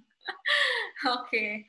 Terus kalau kencan apa harus selalu cowok yang bayar? Ini dari sisi cowok dulu apa dari sisi cewek dulu? Nggak, ada yang ada yang mau mungkin jawab iya gitu atau yang tidak gitu. Mungkin ada yang mau jawab memberikan pendapat siapa kopur Ada Ayu, ada Ayu. Ini Ayu nomor. Yuk, Iya kita, boleh ayo ayo kita perlu mindset orang Jakarta yuk untuk jawab. kalau Ayu jawabannya gini gak cewek yang bayar semua kata Ayu Luar biasa. Marah-marah Ayo, enggak yo. ayo. Enggak, enggak, enggak. Ayo yuk, jawab yuk. Gimana yuk? Apa? Ya, jawabannya enggak sih. Kalau emang ada emang ada rules ya kayak gitu. Aku tapi nggak tapi yang aku tahu kalau misalnya aku dengar banyak dari cerita ini tergantung ya. Let's say di Surabaya tergantung dari cerita dari teman-temanku emang banyak orang cewek-cewek di Surabaya yang mungkin tidak ada di grup ini mengharapkan kalau bisa cowoknya yang bayar, tetapi tidak ada rules kayak harus selalu cowok yang bayar. Hmm. Dan ya kalau aku sih pengalamanku ya enggak sih biasanya ganti-gantian ya kayak kadang siapa cepet dia dapat aja lebih kayak gitu sih. Siapa cepet dia dapat. lebih kayak gitu siapa cepet dia. Soalnya mungkin ya tergantung lagi ya. Kalau misalnya pas aku waktu pas aku pacaran ya kita berdua udah sama-sama kerja jadi ya don't mind gitu loh. Kecuali ya emang em ya nggak tahu ya kalau yang lagi kuliah atau apa gimana rulesnya nggak tahu tapi enggak sih tidak ada rules yang kayak berkata cowok harus selalu cowok yang bayar tidak ada seperti itu oke thank you Ayu kalau dari ini kopur Billy nih dari tadi ketawa-ketawa. Ada yang mau disampaikan, Bill? Kalau aku kencan harus selalu cowok yang bayar. Kalau buat aku cewek loh ya. Kalau awal-awal masih kayak baru PDKT, masih masa-masa promosi, jujur iya aku expect cowok yang bayar. Karena satu itu masa promosi. Kalau masa promosi aja dia nggak Cara gitu. aku tapi kalau sudah kayak sudah jalan katakanlah udah mulai mau lebih serius ya terus kayak udah jalan katakanlah beberapa bulan empat bulan lima bulan terus kayak udah tahu cowoknya ini ya nggak apa-apa don't mind untuk sesekali kita yang bayar gitu loh. Karena ya ya sudah lebih serius sih. Tapi jujur kalau awal-awal bayangin barusan deket satu bulan terus sing cowok kayak expect expect. Ayo gantian, Gue. Ayo iya pasti. gak mau yo jujur. Ceweknya juga pasti kabur ya. aku gak mau yo. Tapi kalau Ece Surabaya Pol Ece tapi kalau sudah sudah lama sudah tahu. Kan kadang tuh ya kita tuh kenapa sih kalau cewek itu kenapa sih kok minta cowok yang bayar itu juga supaya bisa ngetes cowoknya ini pelit banget atau enggak? Pelit loh ya pelit loh ya bukan hemat. Jadi ya aku Cinta sama Daddy. jadi dulu aku tuh punya teman pacaran. Cowoknya tuh pelit banget. Jadi ceweknya ini kalau mau minum air putih gitu eh mau minum misalnya di makan mau minum orange juice. Yang laki tuh bilang jangan pesen orange juice mahal. Kan bencek no sorot toh. Aduh padahal itu masih masa-masa PD apa masih kayak kayak rasanya barusan jadian barusan apa. Lo maksudnya kayak eh, kok eh, kok gitu ya? Kok rasanya kita mau kencanai susah? Apalagi kalau tapi jadi cewek juga jangan nuntut setiap kali kita kencan itu selalu imari enges house gyukaku. Yo jangan. Kalau sesekali misalnya memang yang kalau memang suka yang laki sama-sama doyan jagat ya enggak apa-apa gitu loh. Sama-sama doyan tahu telur ya enggak apa-apa. Jangan expect selalu makannya tuh yang bintang 5 tapi yang kita lihat tuh kayak yang laki ini punya good intention nggak sih buat bayarin awal-awal supaya tahu tapi kalau ke depannya buat aku don't mind sih buat sesekali kita bayarin juga apalagi kalau yang cewek juga kita juga sama-sama apalagi kita juga punya eh, misalnya pekerjaan atau misalnya yang belum kerja punya uang jajan lebih ya enggak apa-apa kita bayarin sekali-sekali. Dah. Chris, Chris, gimana? Ya, ya, ya, ya. Jadi Oh, ini kalau ada makan di rumah coach yang bayar siapa? Apa, apa, apa? kalau makan di rumah coach yang bayar siapa? kalau pacaran di tempatnya coach yang bayar siapa? Oke. Kamu kamu sama Wilson lah.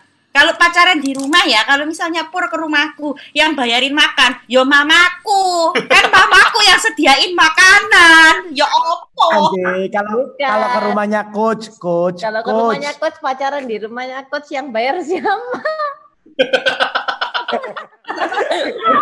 Terus saya minta makan di rumahnya coach.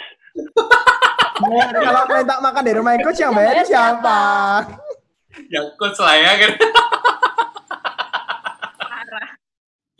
Itu lain cerita guys, bukan pacaran. Ya, jadi tadi udah ada dua ini ya, dua sisi lah dari sisi yang eh, cekosi ya harus inilah cowok promosi dong bayarin dulu. Atau tadi ada dari sisi Ayu bilang sebenarnya nggak apa-apa lah chill aja. Siapa yang duluan bisa bayar ya bayar aja gitu. Nggak perlu hitung-hitungan ya nggak ada yang salah nggak ada yang benar. Cuman kalau saran buat cowok kalau bisa bayarin bayarin. Tapi saran buat cewek jangan selalu expect cowok bayarin. Nah gitulah kita masing-masing lah menjagai hubungan sendiri gitu loh. Jangan terus-terus kayak sebagai cewek oke harus cowok yang bayarin. Selalu tuh kan parah gitu loh. Kayak menurut aku nggak bisa loh. Kan kita em, kamu mau posisimu di dalam keluarga tuh seimbang. Kalau ngomong mau didengerin juga. Tapi masa kalau masalah uang harus cowok terus yang bayar? Ya nggak juga. Ini sebagai wanita aku ngomong gini loh. Jangan di hate ya guys. Nah terus eh, ini selanjutnya. Gimana tahu kapan harus move on atau memperjuangkan cinta yang ditolak? Wah ini Sebas, sebas, oh ya sebas. Sebas. sebas cocok ini sebas sebas tuh ngejar Sela tuh luar biasa loh Tolak-tolak ya, Mas ya. iya tapi akhirnya menang sebas Wah, Memenangkan pertandingan. gimana Eh, mas Aduh. Sudah KO berapa ronde kamu bas baru diterima? Digantung berbulan-bulan gue. Aduh, aku belum prepare. Apa ya? Sebetul, sebetulnya sebetulnya kalau aku de- sendiri sih eh, kenapa kemarin memperjuangkan? Karena eh, di satu sisi ya aku berdoa juga dan aku merasa Sela semua sudah check all the box yang yang sudah tak list ya kan? Dan ya kayak kayaknya aku merasa kayak sepadan list eh, list kriteria juga semua sudah eh, cek ya kan?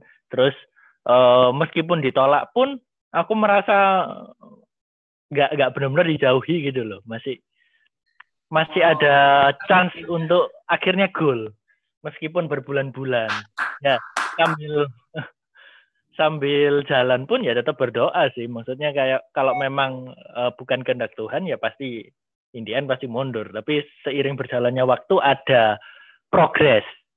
Ya progres itu mungkin bisa dijadikan tolak ukur juga sih ya.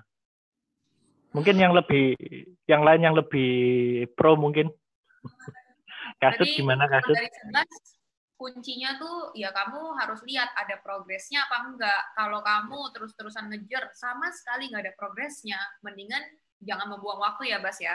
Tapi kalau Hmm. kamu ngejar ngejar ngejar walaupun ibaratnya tuh em, slow gitu kok nggak nggak diterima diterima diterima gitu tapi ada progresnya makin lama oh ceweknya mau ditelepon terus lama-lama ceweknya mau diajak pergi berdua jadi artinya positif gitu ya Bas ya Kasut nih suka ngejarin cewek, eh Sud, coba gimana Sud memperjuangkan Waduh. apa move on Sud, ayo Sud. Ya itu tadi aku setuju sama Sebas itu progresnya. Kalau aku sih mungkin lebih apa ya eh, kita kasih gitu misalkan contoh, oh aku mau kejar Grace nih gitu, cobalah dicoba. Tapi of course I will give a time limit gitu untuk diriku sendiri gitu ya. Of course cinta atau perasaan tuh nggak bisa dibatasin, cuman kita harus disiplin dalam hal ini. Kalau nggak gitu nanti jatuhnya ke PHP gitu ya. Gitu, PHP lama nggak kerasa gitu. Bertahun-tahun baru oh iya ya kok goblok gitu dulu.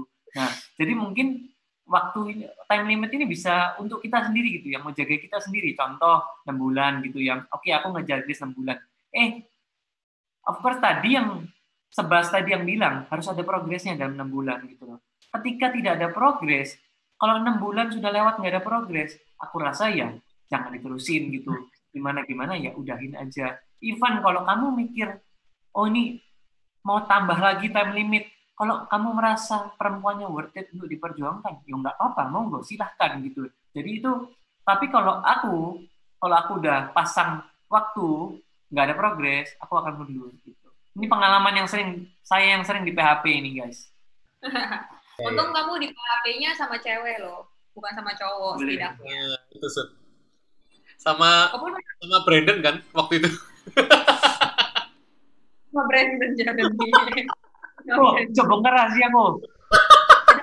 ini eh, kasus dengan Brandon ini dulu ada masa lalu yang nggak tahu tak kita ini. Iya. Waduh, Mungkin mau menambah sedikit kayak kalau dari pemimpin ya, dari pemimpin itu eh, selalu kasih juga time limit itu penting sih karena eh, apa kalau dari pemimpin info itu at least satu tahun itu kamu sudah harus dalam waktu satu tahun. Ya dalam waktu maksimal ya maksimal. Setengah tahun. Ya berarti dalam waktu enam bulan maksimal itu satu tahun itu harus ada at least progress dan sinyal. Kalau misalkan kamu enam bulan kamu nggak nangkap nangkap sinyal, kamu nggak nggak nggak ada feedback, ya udah lupakanlah, move on aja. Mau waktu ya kok ya. Ya, oke. Lanjut. Eh, apa hubungan tanpa restu orang tua sebaiknya diakhiri? Nah, ini ini mungkin ada yang merasa udah udah sepadan, terus hatinya udah suka, tapi restu orang tua tuh nggak didapat di tangan. Jadi harus gimana dong? Kalau dari aku sih ya, menurutku sih, orang tua tuh ngerti loh, kayak punya feeling gitu loh sebenarnya mengenai eh, pasangan kita gitu-gitu. Karena orang tua kan udah namanya orang tua ya, dia tuh lebih banyak pengalaman, udah makan asam garam, pokoknya dia tuh bisa lihat cowok ini eh, baik atau cowok ini nggak baik gitu. Walaupun orang tua juga jangan dijadikan dukun, jangan ditanyain kayak mah ini aku mau sama iya. Maksudnya orang tua tuh nggak nggak 100% selalu tepat, selalu akurat, selalu benar. Tapi kalau orang tua sampai nggak restuin hubungan kalian, itu kan pasti ada alasannya. Kenapa alasannya? Dan hubungan tanpa restu orang tua tuh artinya nggak diberkati juga sama Tuhan. Jadi mendingan diakhiri kalau menurut aku ya, karena Dibicarakan dulu lah, dibicarakan. Iya ya dibicarakan. Tapi kan ini ditanya sebaiknya diakhiri, bukan pertanyaannya sebaiknya dibicarakan. Kalau iya dibicarakan dulu, ya kamu tanya dulu lah. em, kenapa sih Kak, papa sama mama tuh nggak setuju sama pasanganku gitu? Kamu juga kasih alasan yang logis. Kenapa kamu tuh memilih pasanganmu ini gitu? Jangan main mot-mototan. Tapi kalau sampai di, di titik akhir tuh orang tuamu tetap nggak setuju, ya itu menurut aku udah harus diakhiri karena nggak Ayo, enak ayo. tua. Apa-apa? Kenapa? Kenapa namaku disebut? Ayo cocok nih untuk pertanyaan yang itu tadi. Oh, yang ini nih, udah mau jawab nih, siap nih. Bisa dijawab, Bapak? Aduh, Nih, Apa nih, coba? nih, nih. Nih, nih jawabnya nih. saya bukan pacar, saya bukan pakar cinta pencinta. Woy. Kak, ini dia tadi udah jawab panjang lebar, jadi bisa kamu ulangi lagi nggak? Duh, aku Jawab apaan? Ayo tolong diulangi, kocok. Coba saya mau tanya dulu nih.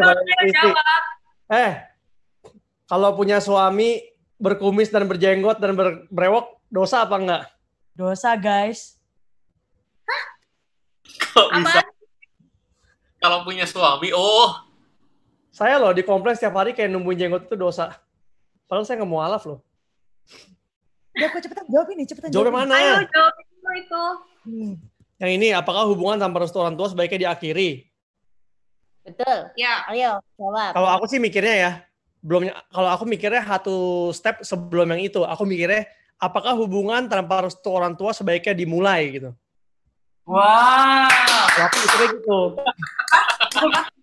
Nggak mengerti kita semua. Nggak, kalau kalau kalau kalau diakhiri kan berarti kita udah backstreet terus ya segala macam ntar diakhiri nggak tahu juga kalau aku mikirnya gitu kalau prinsip aku dulu gitu apakah hubungan tanpa restu orang tua dari kedua belah pihak apakah kalau dari restu orang tua sebaiknya dimulai gitu kalau menurut aku itu pertanyaan yang sebelumnya ha- harus dijawab sebelum pertanyaan ini gitu menurut aku gitu. Dan aku sama Ayu juga dulu pertamanya nggak direstuin sama orang tua dia makanya kita nggak pernah mulai gitu loh waktu itu. Ma- masalah mau lanjut diperjuangkan atau enggak ya terserah. Tapi kan menurut conviction masing-masing tapi kan maksudnya untuk menghargai orang tua sama-sama apakah kita boleh apa kita sebaiknya mulai hubungan yang nggak direstuin gitu kan. Jadi gitu ada di gereja aku di Melbourne eh, udah udah suami istri sekarang lama udah punya anak dua. Mereka yang ceweknya tuh orang tuanya Buddha Buddha banget. Pokoknya nggak percaya Tuhan apa segala macam tapi mereka berdua Kristen. Eh, yang cowoknya ngejar terus ditolak terus tapi eh, mereka terus berdoa sama-sama dan mereka nggak pernah mulai hubungan secara officially gitu loh. Dan mereka juga em, bukan berarti kalau oh ya udah berarti titel titelnya aja gue nggak usah pacaran. Tapi berlakulah seperti gue orang pacaran gitu ajak jalan segala macam gini-gini. Itu juga sama sama ya sama aja melanggar kan orang tua punya ini gitu Eh, yang aku pikirin apa ya maksudnya orang tua mungkin nggak selalu benar tapi itu tetap orang tua kita lah jadi eh, mesti dihargain juga gitu loh dan didoakan aja gitu loh. jadi itu yang aku pikir sih kalau dari pertanyaan ini gitu Berarti dari Kocong tadi aku belajar, oh ya dari awal kita harus tanya orang-orang terdekat kita, at least kita introduce gitu ya sebelum kita make a big decision gitu. Kita harus Hah? tanya orang tua kita. Iya. Kita harus tunjukin mungkin, ma ini cewek yang aku taksir gitu mungkin. Atau, orang tua eh, ya, orang tua gitu lah. temen deket nggak setuju nggak apa-apa yang penting orang tua mesti Ya. setuju Iya, kok, bener. temen deket nggak setuju ya nggak apa-apa apa urusannya gitu kan yang penting orang tua gitu jadi kalau menurut aku sebelum mengakhiri mending pikir dulu ya worth it gak buat dimulai gitu ibarat kata iya tapi jangan jangan apa ya kalau menurut aku kalau misalnya orang tua bilang nggak boleh jangan kita ya udah kita titelnya on Facebook nggak usah pacaran tapi kita di belakang wah mesra deh ya nggak usah juga gitu itu menurut aku ya gitu Ya, betul betul. menurut saya saya bukan saya bukan pakar pecinta percinta loh saya juga masih belajar jadi jadi ya nggak tahu jadi nggak tahu Oke, juga siap. Thank you, Kocong. iya iya Wah, ini Mau nambahin? pertanyaan. Oh, Kopur mau nambahin. Coba mau nambahin? Handy, handy. Oh, silakan, Hendy. Oh ya. Aku ini sih pengalamanku banget sih. Dulu aku pernah PDKT-an itu sebelum Sally sih, jauh sebelum Sally. Itu pernah PDKT-an, masih status PDKT-an. Terus habis gitu aku tanya ke mamaku gitu, ke orang tua. Boleh nggak sama dia? eh ketemu cuman baru sekali, belum pernah ngomong secara intens dengan apa PDKT-anku orang tuaku, tapi udah langsung ngomong eh, mama itu nggak srek gitu, apa nggak mau gitu mama. Waktu itu aku langsung apa battle gitu, loh kok nggak mau sih kan udah sama-sama suka gitu loh, aku sama PDKT-anku itu waktu itu. Setelah itu aku belajar untuk taat sama orang tua gitu. Tak tak ikutin ya wis lah. Eh, orang tua tak ikutin gitu. Ternyata setelah tak omong sorry kita nggak bisa lanjut PDKT-ane karena orang tua aku nggak setuju gitu. Gak lama kemudian seminggu setelahnya aku lagi jalan-jalan di mall dia ternyata sudah sama cowok lain gitu loh. Kayak eh, menurutku itu Tuhan sometimes bantu kita itu lewat orang tua kita gitu. Makanya restu dari orang tua itu penting banget. Karena bisa jadi Tuhan tuh bantu lewat omongannya orang tua kita ketika kita kupingnya kita itu nggak terlalu peka sama apa yang Tuhan bilang atau Tuhan arahkan gitu. Biasanya dari orang tua gitu yang terdekat. Itu sih. Oke, wah bagus banget tuh, bener. Orang tua tuh perwakilan Tuhan di dunia ya, jadi maksudnya apa yang orang tua ngomong ya dengerin, karena mereka tuh otoritasnya tuh nggak sembarangan, otoritas orang tua tuh dari Tuhan sendiri sebenarnya. By the way, ini jadinya dilanjutin? Oke, kita lanjut. Bolehkah cari jodoh di aplikasi dating? Kayak Tinder gitu lah ya. Ya, Tinder. Kopur kok nggak ada nih? Kopur, kopur Kalau yang habis. kalau yang Sebentar. pertanyaannya kayak gini loh, Kopur nggak ada loh. Mau tak tanya loh, Kopur. Kalau ada yang mau jawab mungkin dari Kak, Kata pocong boleh. Apaan sih? Wah, oh, Kocong gimana? Bebas, Boleh. Loh, ini tuh Boleh, tidak Boleh katanya. pendapat pendapat. pendapat. Boleh kenalan, pacarannya ntar dulu. Jadi kenalan boleh, ketemuannya harus face to face. Emang sesuai dengan eh, apa? Dengan apa? Dan jangan chatting-chatting deh. Kalau Ya. ketemuan, ketemuan aja gitu loh. So, soalnya ya aku nggak ini sih. Tapi salah satu apa anak date member kita yang nggak tahu sih itu contoh yang baik. Intinya mereka juga sesama, maksudnya kayak anak Kristen yang baik-baik ya ketemu aja tepatan pas di apa online application. Tapi Indian mereka ya menjalani hubungannya ya di luar dari aplikasi itu. Indian ya ternyata malah sesama, maksudnya mereka sama-sama sepadan lah, sama-sama Tuhan. Intinya. Ya intinya begitu. Tuh intinya. Atau ya kalau menurut aku ya, kenalan mau dari Facebook, mau dari aplikasi. Eh tapi ini kalau Pastor Philip segala macam nggak setuju, kok Adrian ya, ya maaf, maaf. Bener juga. Boleh nggak? Boleh. Masanya gini lah. Ayo kenalan, kenalan dari aplikasi terserah. Bukannya boleh apa nggak boleh. Aku bilang kenalan dari aplikasi terserah. Tapi mengenal harus langsung. Kalau mengenal ya. Kenalan cuma nama, tinggal di mana, hobinya apa, mau dari chatting terserah. Tapi kalau mengenal, ya lebih baik ketemu, kenalan, yang baik gitu loh, yang deket. Gitu. Soalnya aku bisa aja tulis Ivan Lodra tinggi badan 180, taunya pas ketemu 167 gitu kan. Ya. Aku adalah Kristen yang sangat kuat, love Jesus and all that. Uh, aplikasi apa ya, Bible Bible verses banyak banget di semua profil Instagram kan tinggal copy paste doang gitu. Aduh. Tapi um, kalau untuk mengenal apakah dia seperti apa yang dia tulis, ya itu kan harus kenal, harus harus kenal terus gitu loh. Kalau cuma nulis profil gampang, beneran deh. Nulis profil gampang. Aku tulisin deh, nggak apa. Satu-satu. Ayo siapa yang mau ditulisin ke Ivan? Ayo yang mau bikin profil Tinder, waduh gawat. Tinggal pakai tinggal pakai Google. Tapi kalau kenal harus kenal, harus kenal. Yang tidak boleh adalah kalau udah pacaran habis itu mainan aplikasi dating eh Nah, itu dating. nggak boleh. Itu nggak boleh. itu salah.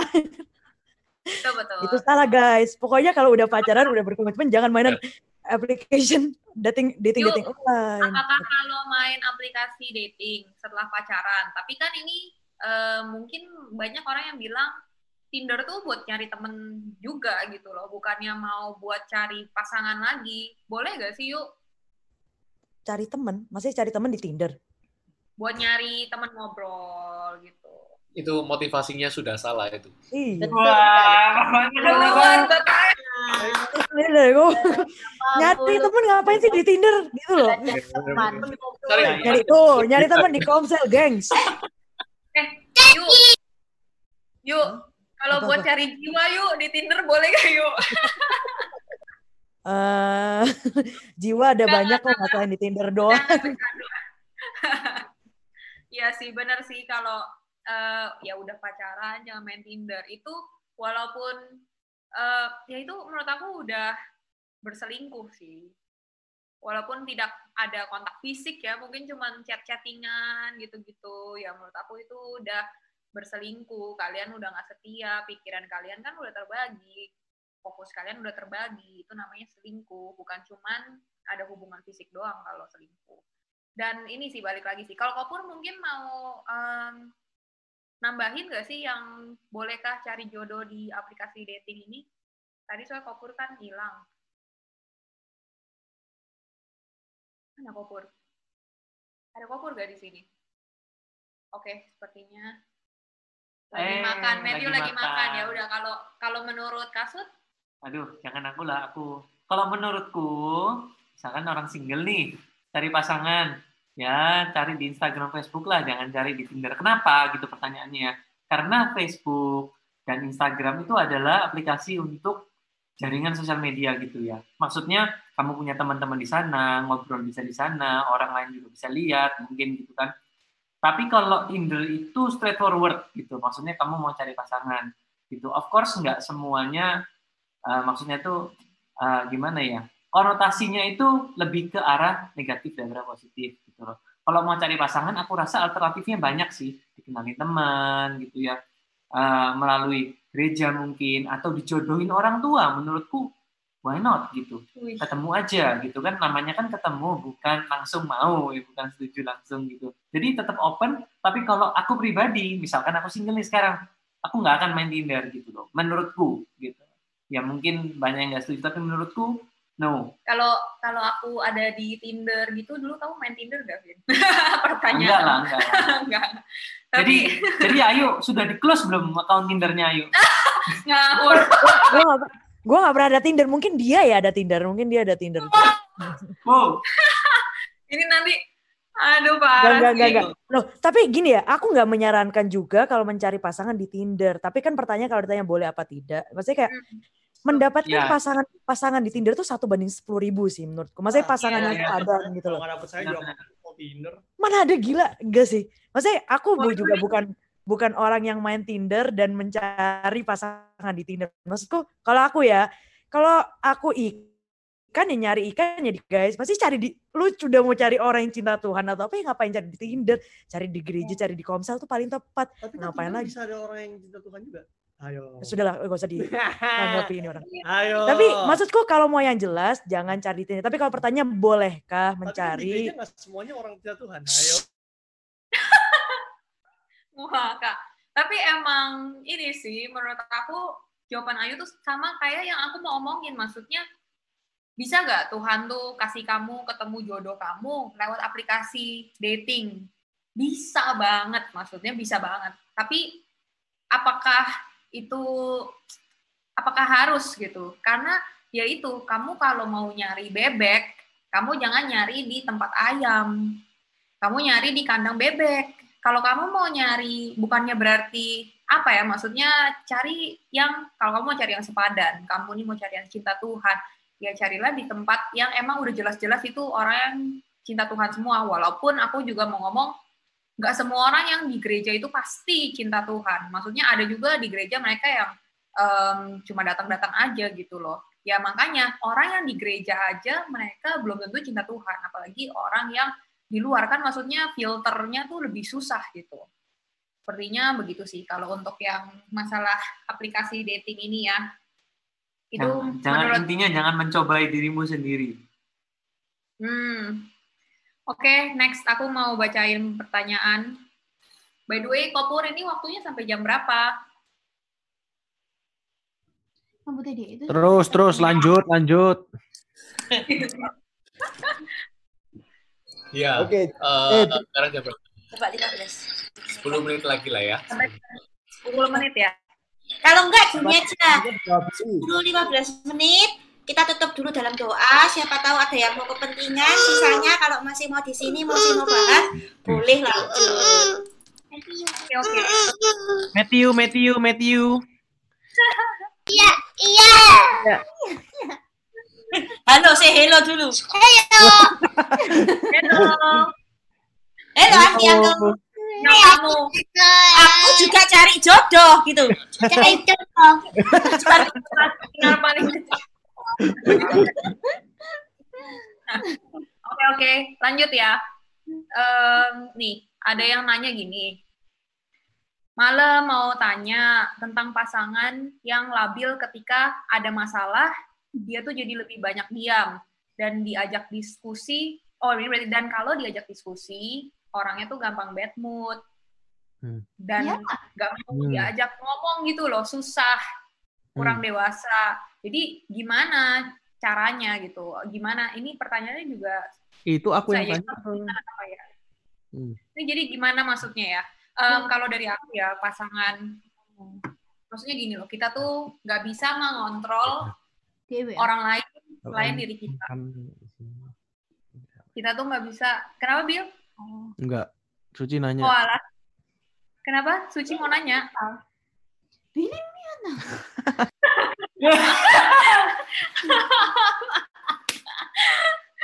Oke oke.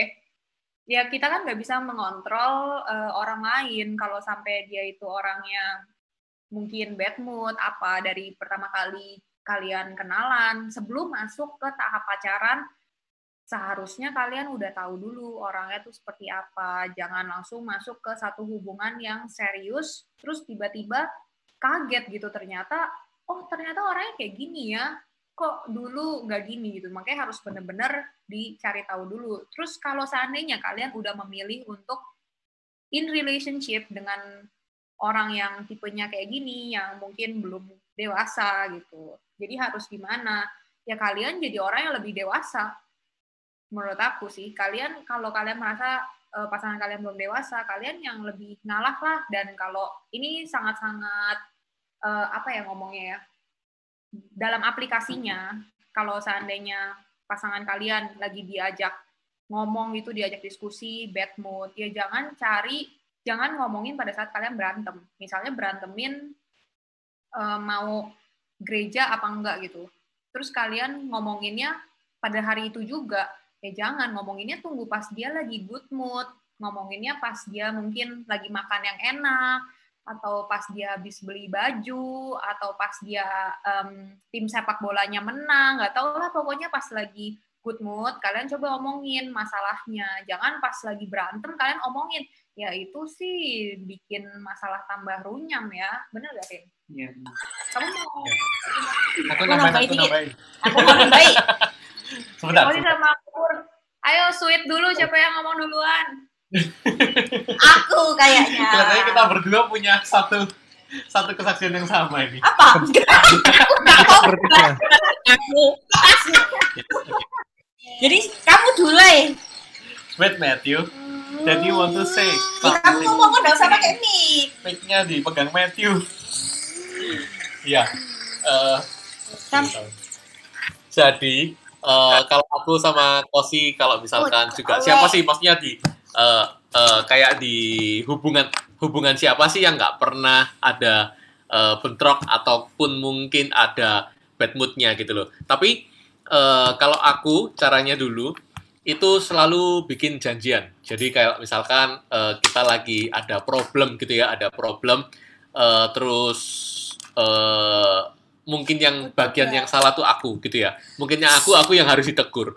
Tapi aku lagi di kondisi yang bad mood, lagi di kondisi yang nggak enak untuk diajak ngomong, maka aku akan berikan satu waktu kesepakatan waktu dan tempat untuk saya mempersiapkan hati dan ketemu di situ. Jadi misalkan eh di siang hari aku sibuk bekerja, eh, terus masih banyak masih banyak aktivitas, maka aku akan ngomong sama Kosi, oke, eh, nanti malam setelah aku makan, makan malam selesai, kita ketemuan ya di di kafe atau mungkin di eh, di mana gitu di mall untuk kita bahas ini. Aku akan siapkan hatiku untuk kalau aku harus ditegur, aku akan terima dan ayo ngomong baik-baik. Jadi nggak harus hari itu langsung diselesaikan memang di waktu yang sama harus selesai nggak, Eh, tapi janjian dulu.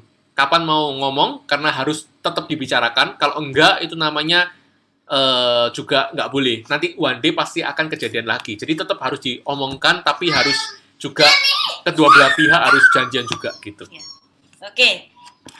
Kalau kamu, Halo, Testi. Halo.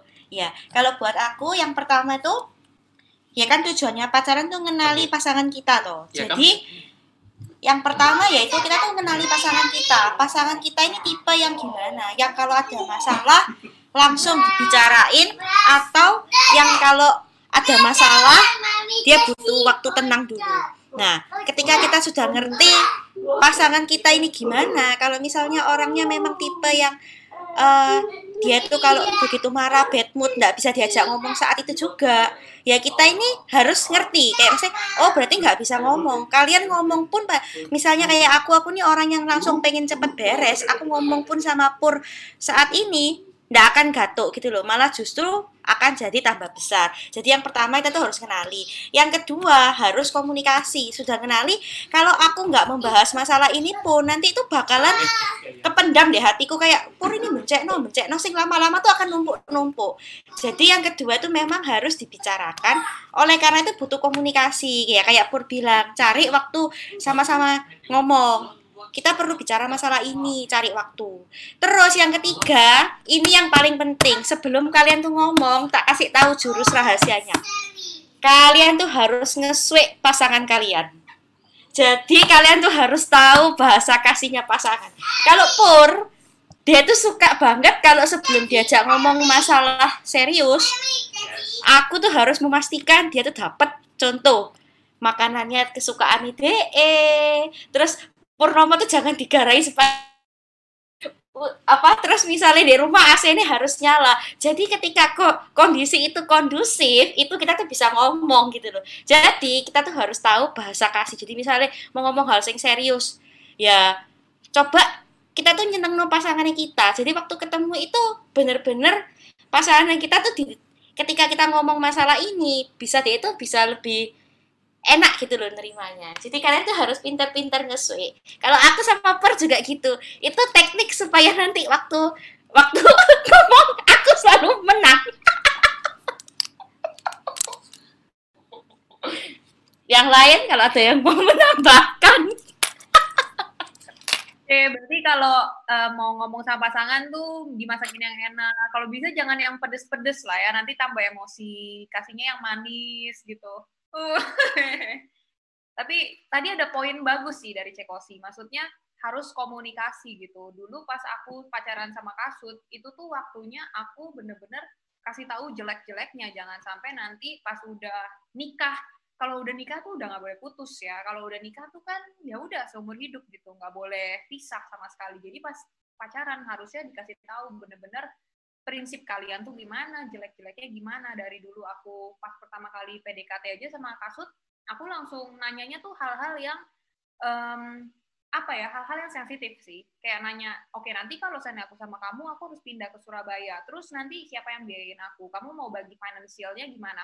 Aku merasa nyaman aja ngomongin itu dan aku mikir itu kayak um, kanker gitu loh. Kanker kalau di treat dari stadium awal itu lebih gampang daripada kalau di obatinnya pas udah stadium akhir. Kalau udah sampai aku nikah terus baru diomongin, itu tuh udah beda konteks semua gitu. Tapi kalau dari awal di prepare kayak e, iya nanti kalau mau punya anak gimana, terus nanti tinggal di rumah mertua atau tinggal di rumah sendiri gitu. Itu kan hal-hal yang sensitif. Hal-hal yang nggak enak itu diomongin di awal kalau bisa ya. Tapi ngomongnya juga jangan kayak gimana ntar gue dibiayain nggak gitu ya jangan ngomongnya baik-baik tapi masalah-masalah yang sensitif ini ya harus diadres dari awal gitu. Setuju gak sih? Setuju. Enakan ngomongan. Setuju, tapi jangan semua keburukanmu kamu kasih tahu di depan ya, pasti dia nggak mau gitu. Jadi mungkin hmm. kamu buat dia jatuh cinta atau aja jalan-jalan, kayak ceko sih.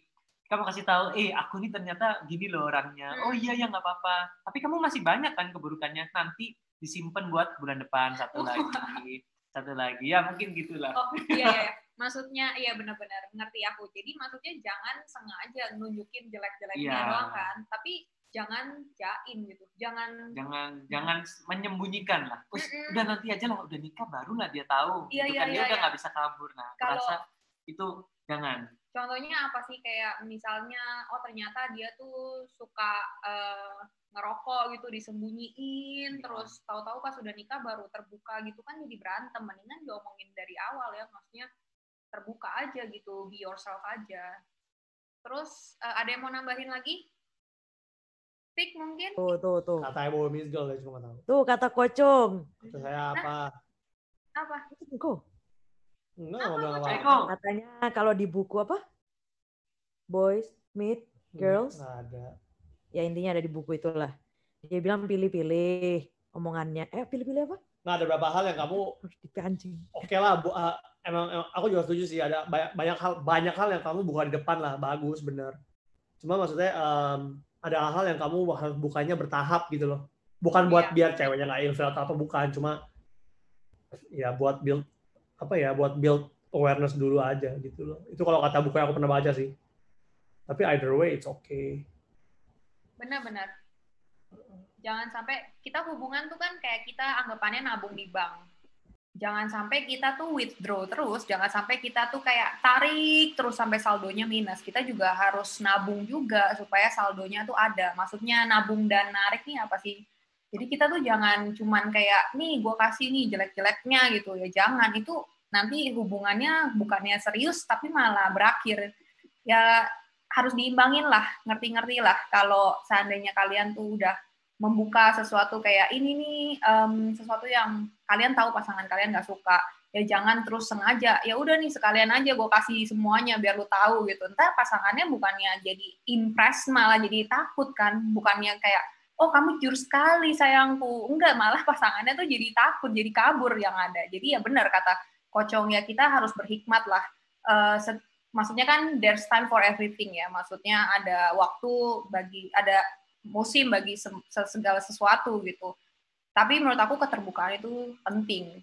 Ya cuman minta hikmat sama Tuhan kapan harus dikasih tahunya terus ada lagi nih yang mau nanya. Atau ada yang mau nambahin lagi? Ini pertanyaan terakhir deh ya udah jam Iya. segini soalnya. Pertanyaan terakhirnya gini.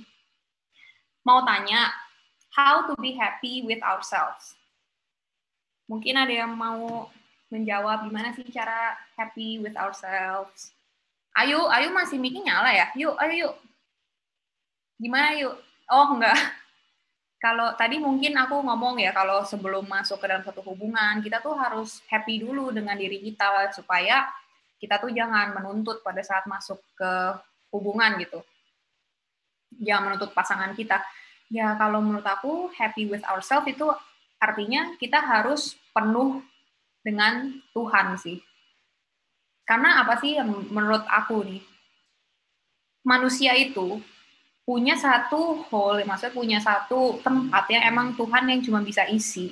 Itu tuh nggak bisa diisi oleh apa pun, hobimu kah, atau em, pasanganmu kah, atau ambisi apa segala macam. Jadi itu harus kamu isi sama Tuhan. Aku yakin orang yang cinta Tuhan, orang yang hatinya dipenuhi Tuhan, itu adalah orang yang happy, orang yang bahagia. Doesn't mean dia nggak punya masalah. Doesn't mean bukan artinya dia itu em, happy as in kayak hidupnya enak terus enggak. Tapi orang yang sama Tuhan, orang yang dekat sama Tuhan, itu pasti dia itu full lah, satisfied, em, puas dengan dirinya, penuh dengan rasa syukur gitu, despite apa pun yang terjadi dalam hidupnya. Aku ditunjuk-tunjuk kocong, kenapa itu? Kenapa kok? Aku kayak dituding-tuding, lu, lu, lu. Enggak, enggak, enggak, enggak, enggak. Kamu kamu Bukan, bukan. Enggak, intinya apa yang tadi kamu ngomongin tuh ada apa quote dari apa? Blaise Pascal. Blaise Pascal, which is ya, it's good. Nah, itu kita lagi nyari, abis itu kayak kita kayak mencari, jadi kita nunjuk-nunjuk Blaise gitu loh. Pascal, vakum. Oke, oke. Oke, kalau Popur mungkin mau nambah atau Makanya Kopur selalu terlihat happy. Ya. Itu bukan karena apa, tetapi karena full di dalam Tuhan ya kok ya. hmm, Orang yang happy dengan dirinya sendiri itu adalah orang yang bisa menerima dan memaafkan dirinya terlebih dahulu. Asik.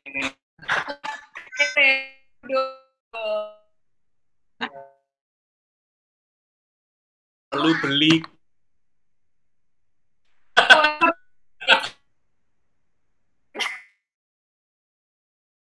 Jadi Oke, eh, boleh waktu dulu tuh waktu aku putus sama mantanku itu cukup ya cukup buat aku galau lah. Sampai akhirnya terus waktu itu aku flight dari Surabaya ke Singapura.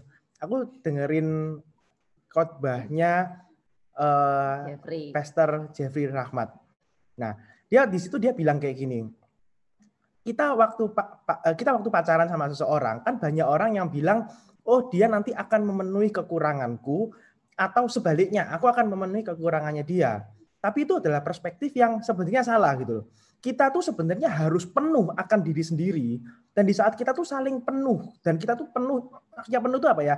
Heartnya itu konten gitu loh. Jadi bukan bukan merasa oh aku ini kurang gini aku tuh kurang gitu aku perlu dia untuk memenuhi kekuranganku. Bukan begitu tapi aku adalah ciptaan Tuhan dan aku tuh perfect aku tuh sempurna tetapi dia itu akan menjadi penolongku makanya aku mau mau sama dia. Nah dengan seperti itu hubungan itu bukan tentang menu memenuhi bukan. Karena kalau berbicara menu memenuhi itu tuh kayak kita tuh nanti either way salah satu tuh akan me, apa ya ngedrain energinya satu sama lain gitu loh. Itu itu itu nggak nggak nggak healthy gitu loh. Tapi kalau kita sama-sama penuh kita tuh sama-sama bisa bertumbuh dalam Tuhan. Dan bukan cuma dari situ. Kalau kita ya bayangkan kita tuh hubungan kita tuh dua orang yang berbeda. Otomatis kita tuh bawa tas sendiri-sendiri. Istilahnya tuh kayak masuk ke rumah baru bawa koper sendiri-sendiri. Kalau koper yang kita bawa isinya ikan, isinya daging, isinya apa ya ya yang kalau dibuka ya baunya amis.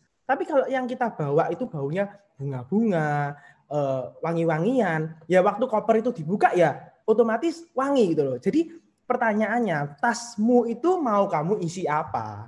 Ya kan? Nah, kalau mau diisi yang wangi-wangi, ya jangan jangan jangan hidup dengan cara yang yang basi gitu loh. Kita harus bisa bisa memaafkan, kita harus bisa positive thinking dan lain-lain. Karena dari situ nanti begitu tas itu dibuka, ya rumahmu tuh akan bau tas itu gitu loh. Jadi ya yang sudah punya pasangan atau belum punya pasangan, mulailah hidup dengan bagaimana tasmu itu mau dibuka gitu loh. Nah itu kita masing-masing yang bisa jawab. Gitu.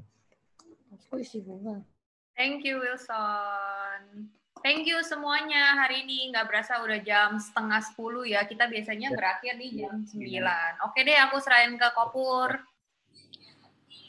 Yes, thank you. Luar biasa hari ini CG-nya sangat panas banget sih dengan tema-tema seperti ini. Tapi ya jangan juga uh, muncul kalau di tema-tema seperti